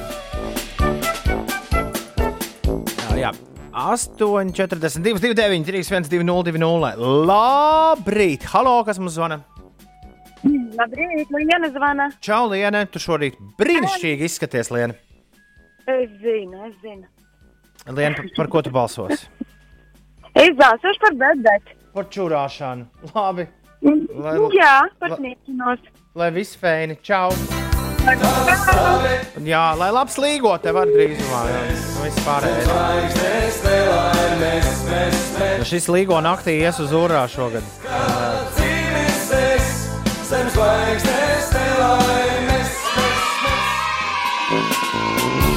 Tas jāieliek uh, līgo bez līgo. Man domā, ka viņš ir tur. Nā, ā, viņš tur nav. laikam, jā. Jāpamēģina, jāpa, jāpamēģina atrast. Halo, kas mums zvana? Halo! Ar, ar, kas cīsiņš? Čau, cīsiņš. Čau, Sviests un cīsiņš. Sviests un cīsiņš. Ļoti labs kafejnīcas nosaukums. Vai tamāt mērķis arī būs? Sviests un cīsiņš. Nu tā. Par jūrmālu. Par jūrmālu. Jā, Jei. nu, jā, nu, nu, jā, jā. Tiem, kas netīšām ieslēguši rādio, te playoffs notiek. Te nav, te nav tik vienkārši.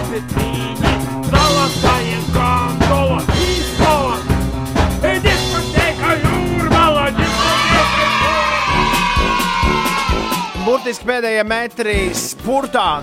Es atgādinu, ka dziesma, kas ceturtdien uzvarēs, trāpīs iekšā arī ceturtajā sezonā, ja tāda tiks organizēta. Uh, nu ko, 29, 3, 1, 2, 0, 2, 0. Laiks noskaidrot, kurš šodien uzvar gaisā vai aizā duelī. Labrīt, halo!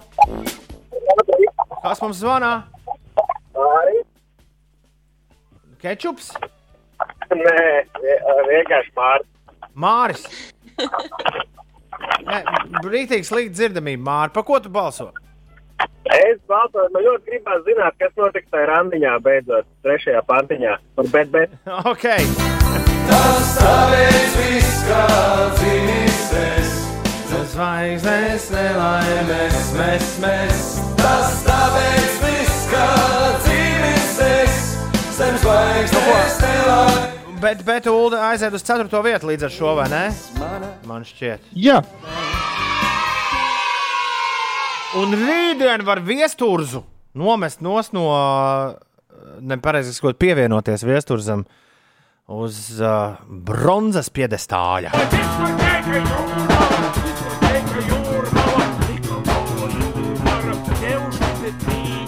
Bet diskotēka jūrmāla gluži tāpat kā pirmo reizi, kad atnāca šeit, tā arī šajā reizē. Krīt aizā iekšā. Metam gaisā vai grūžam aizā.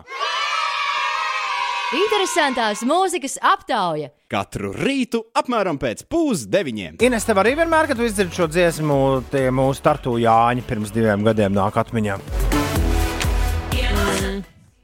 Kā lai saka? Uh,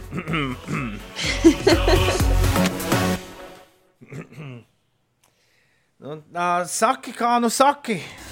Pasaki, kas notiek, Ines. Jā, labāk es pastāstīšu par eh, laikapstākļiem gaidāmajai nedēļai. Eh, Šonadēļ Latviju sasniegs karsts gaiss no austrumiem.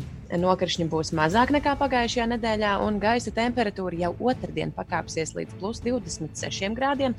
Turpmākajās dienās laiks būs saulaināks, un gaisa sakarsīs vēl karstāks līdz plus 25, plus 32 grādiem. Vēsāks laiks gan saglabāsies eh, piekrastē. Un Atbilstoši pašreizējām prognozēm, no Svētdienas, 21. jūnija, tveice mazināsies. Tā kā aiznākamā nedēļa varētu būt vēsāka nekā, nekā šī nedēļa. Par to, kas notiek uz autoceļiem, aizvien uz A8 ir jārēķinās ar sastrēgumu. Tas ir autoceļš Jālgava Rīga, braucot virzienā uz Rīgu. Šobrīd ir jārēķinās ar aptuveni mu, mazliet vairāk nekā pusstundu. Tā kā lieciet to aiz auss eh, autobraucēji. Sākot ar šodienu, Latvijas, Lietuvas un Igaunijas valsts piedarīgie varēs doties uz Somiju, neievērojot 14 dienu pašizolāciju, un arī starptautiskais pasažieru pārvadātājs Eurolēns šodien atjaunos autobusu satiksmi uz Varšavu un Gna- Gdaņsku, eh, Polijā. Jā, uz Poliju arī mēs eh, varam ceļot jau no, šīs, jau no aizvadītās sestdienas. Laba dzīve Polijā, nopirkt lēto limonādi var tur Tesko veikalā. Uh, man ir uh, atrisinājums Maikla Kivanukas mistērijai. Nu, nu.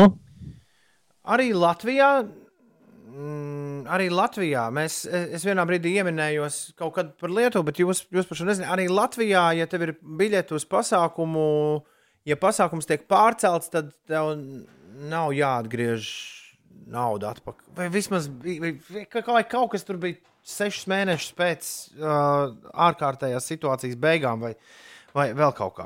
Jebkurā gadījumā vienkārši Maikla Kivanukas, uh, šo svētdienu Kivanukas Maikla koncertam bija jābūt Siguldas pilsdrupās, un mēs šorīt secinājām, ka uz to ir iespēja nopirkt arī vēl biļetes. Uh, Un man ziņo koncerta organizators, kuras pamodināju šajā rītā, ka vienkārši Kivanukas komanda vēl nav sapratusi, kurā 21. gada jūnija datumā viņi ir gatavi loģistikā iekļauties un būt Siguldā.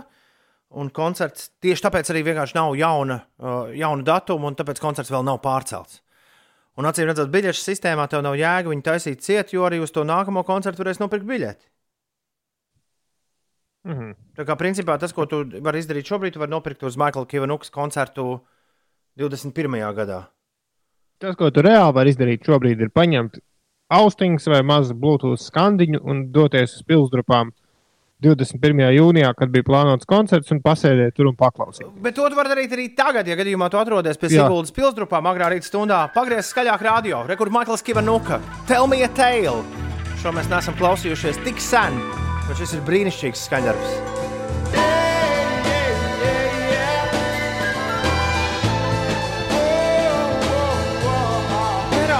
Neraud, nākamā vasara būs!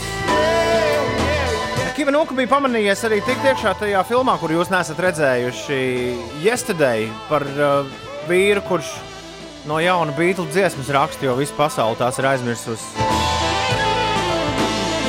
Tur Edam Šīrenam diezgan pamatīga loma, bet uh, Kiva Nuka arī tur bija.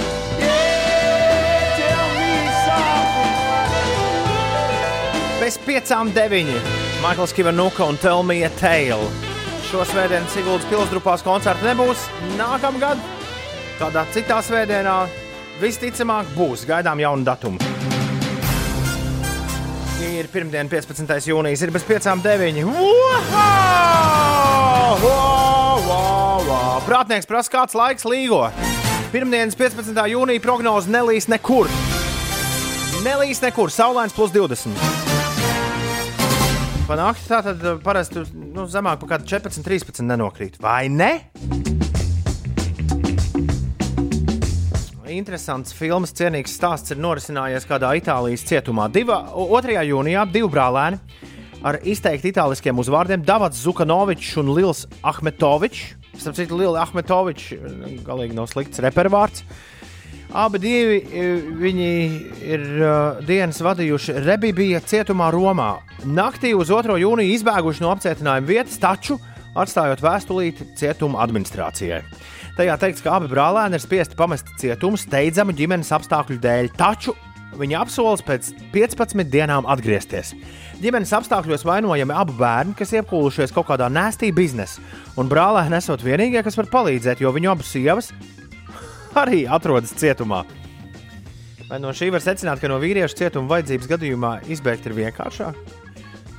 Itālijas policija ziņo, ka vēstule noteikti esot īsta, jo tā atrasta brālēnu kamerā un uz tās ir viņu pirkstu nospiedumi. Jo parakstīties viņi droši vien ka. Taču, atgriež... vajadzības. Taču atgriešanās, atgriešanās gadījumā šī vēstule nepalīdzēs par izbēgšanu no apcietinājuma vietas, jau esošajam sodam varētu tikt pievienoti vēl pieci gadi. Traks var palikt. Turpinām ar vēl vienu ziņu, turpat no Itālijas. Tur kāda dāma pagatavojas 90 pildītas olīvas laikā, kad viņai ir veikta smadzeņu operācija. Jā, nevis kompostr- kompostrācija, bet operācija. Dakteri operācijas zālē darbojas ap dāmas pakauts, kas atrodas aiz aizkariņa. Sieviete ar rokām darbojas pie tāda kā galdiņa, kas novietots viņai klēpī, gatavojot pildītas olīvas. Vai šis ir, Jā, bet vai šis ir Guinness Kāpēc tā rekords? Uldi? Nu, pareizi sakot, mēģinājums uzstādīt Guinness rekordu. Nē, cik pildīt, nav- cik nē. pildītas olīvas tu vari uztaisīt, kamēr tev kāds Kamēr operē operē smadzenes? Eh, Bet klausies, Sines. Uh, izrādās, ka. eh, Bet, uh, sāksim ar to, ka mēs neviens neesam ē- pildījuši olīvas. Olīva askolāne ēduši. Viņas tā kā rīvmaizē izskatās iekšā, vai ne? Jā, un tur iekšā kaut kas ir sabāzts olīvā iekšā, un tad pati olīva tā kā rīvmaize un uh, fried. Nu, tas sanāk cepta ceļā, laikam tā sanāk. Nākamreiz, kad mēs tiksim līdz Itālijai, mums šis ir obligāti jāpēta. Izrādās, ka līdz. Mēs tiksim līdz Itālijai. Nu, šo piekdienu, kad man ir biļets uz Boloņu, pavisam noteikti ne. Izrādās, ka līdzīga praksa, operējot smadzeņu audzējus un veicot citas darbības smadzenēs, nesot rētums vismaz konkrētā itāļu ārsta izpildījumā. Mehāniskas darbības ļauj mums monitorēt smadzeņu funkcijas un kalibrēt operācijas darbības, lai ko tas nozīmētu. Pēdējo piecu gadu laikā dr. Strigņāni ir veicis vairāk nekā 60 operācijas pacientiem, esot nomodā un veicot dažādas darbības, piemēram, spēlējot trompeti vai violi. Taču pildītas olīvas operācijā iesaistīts pirmo reizi. Un operācija konkrētajā gadījumā ilgusi 2,5 stundas. Tajā bijuši iesaistīti 11 cilvēki, un tā noslēgusies labi. Pacienti veseļojas, bet ārsti mielojas ar pildītām olīvām. Vai nav brīnišķīgi? Tā teikt, la fiesta! Pildītas olīvas. Var jau būt, ka vienkārši recepti jā, jāatrod, jāatrod ļoti labas olīvas, un varbūt pašiem jāmēģina pagatavot.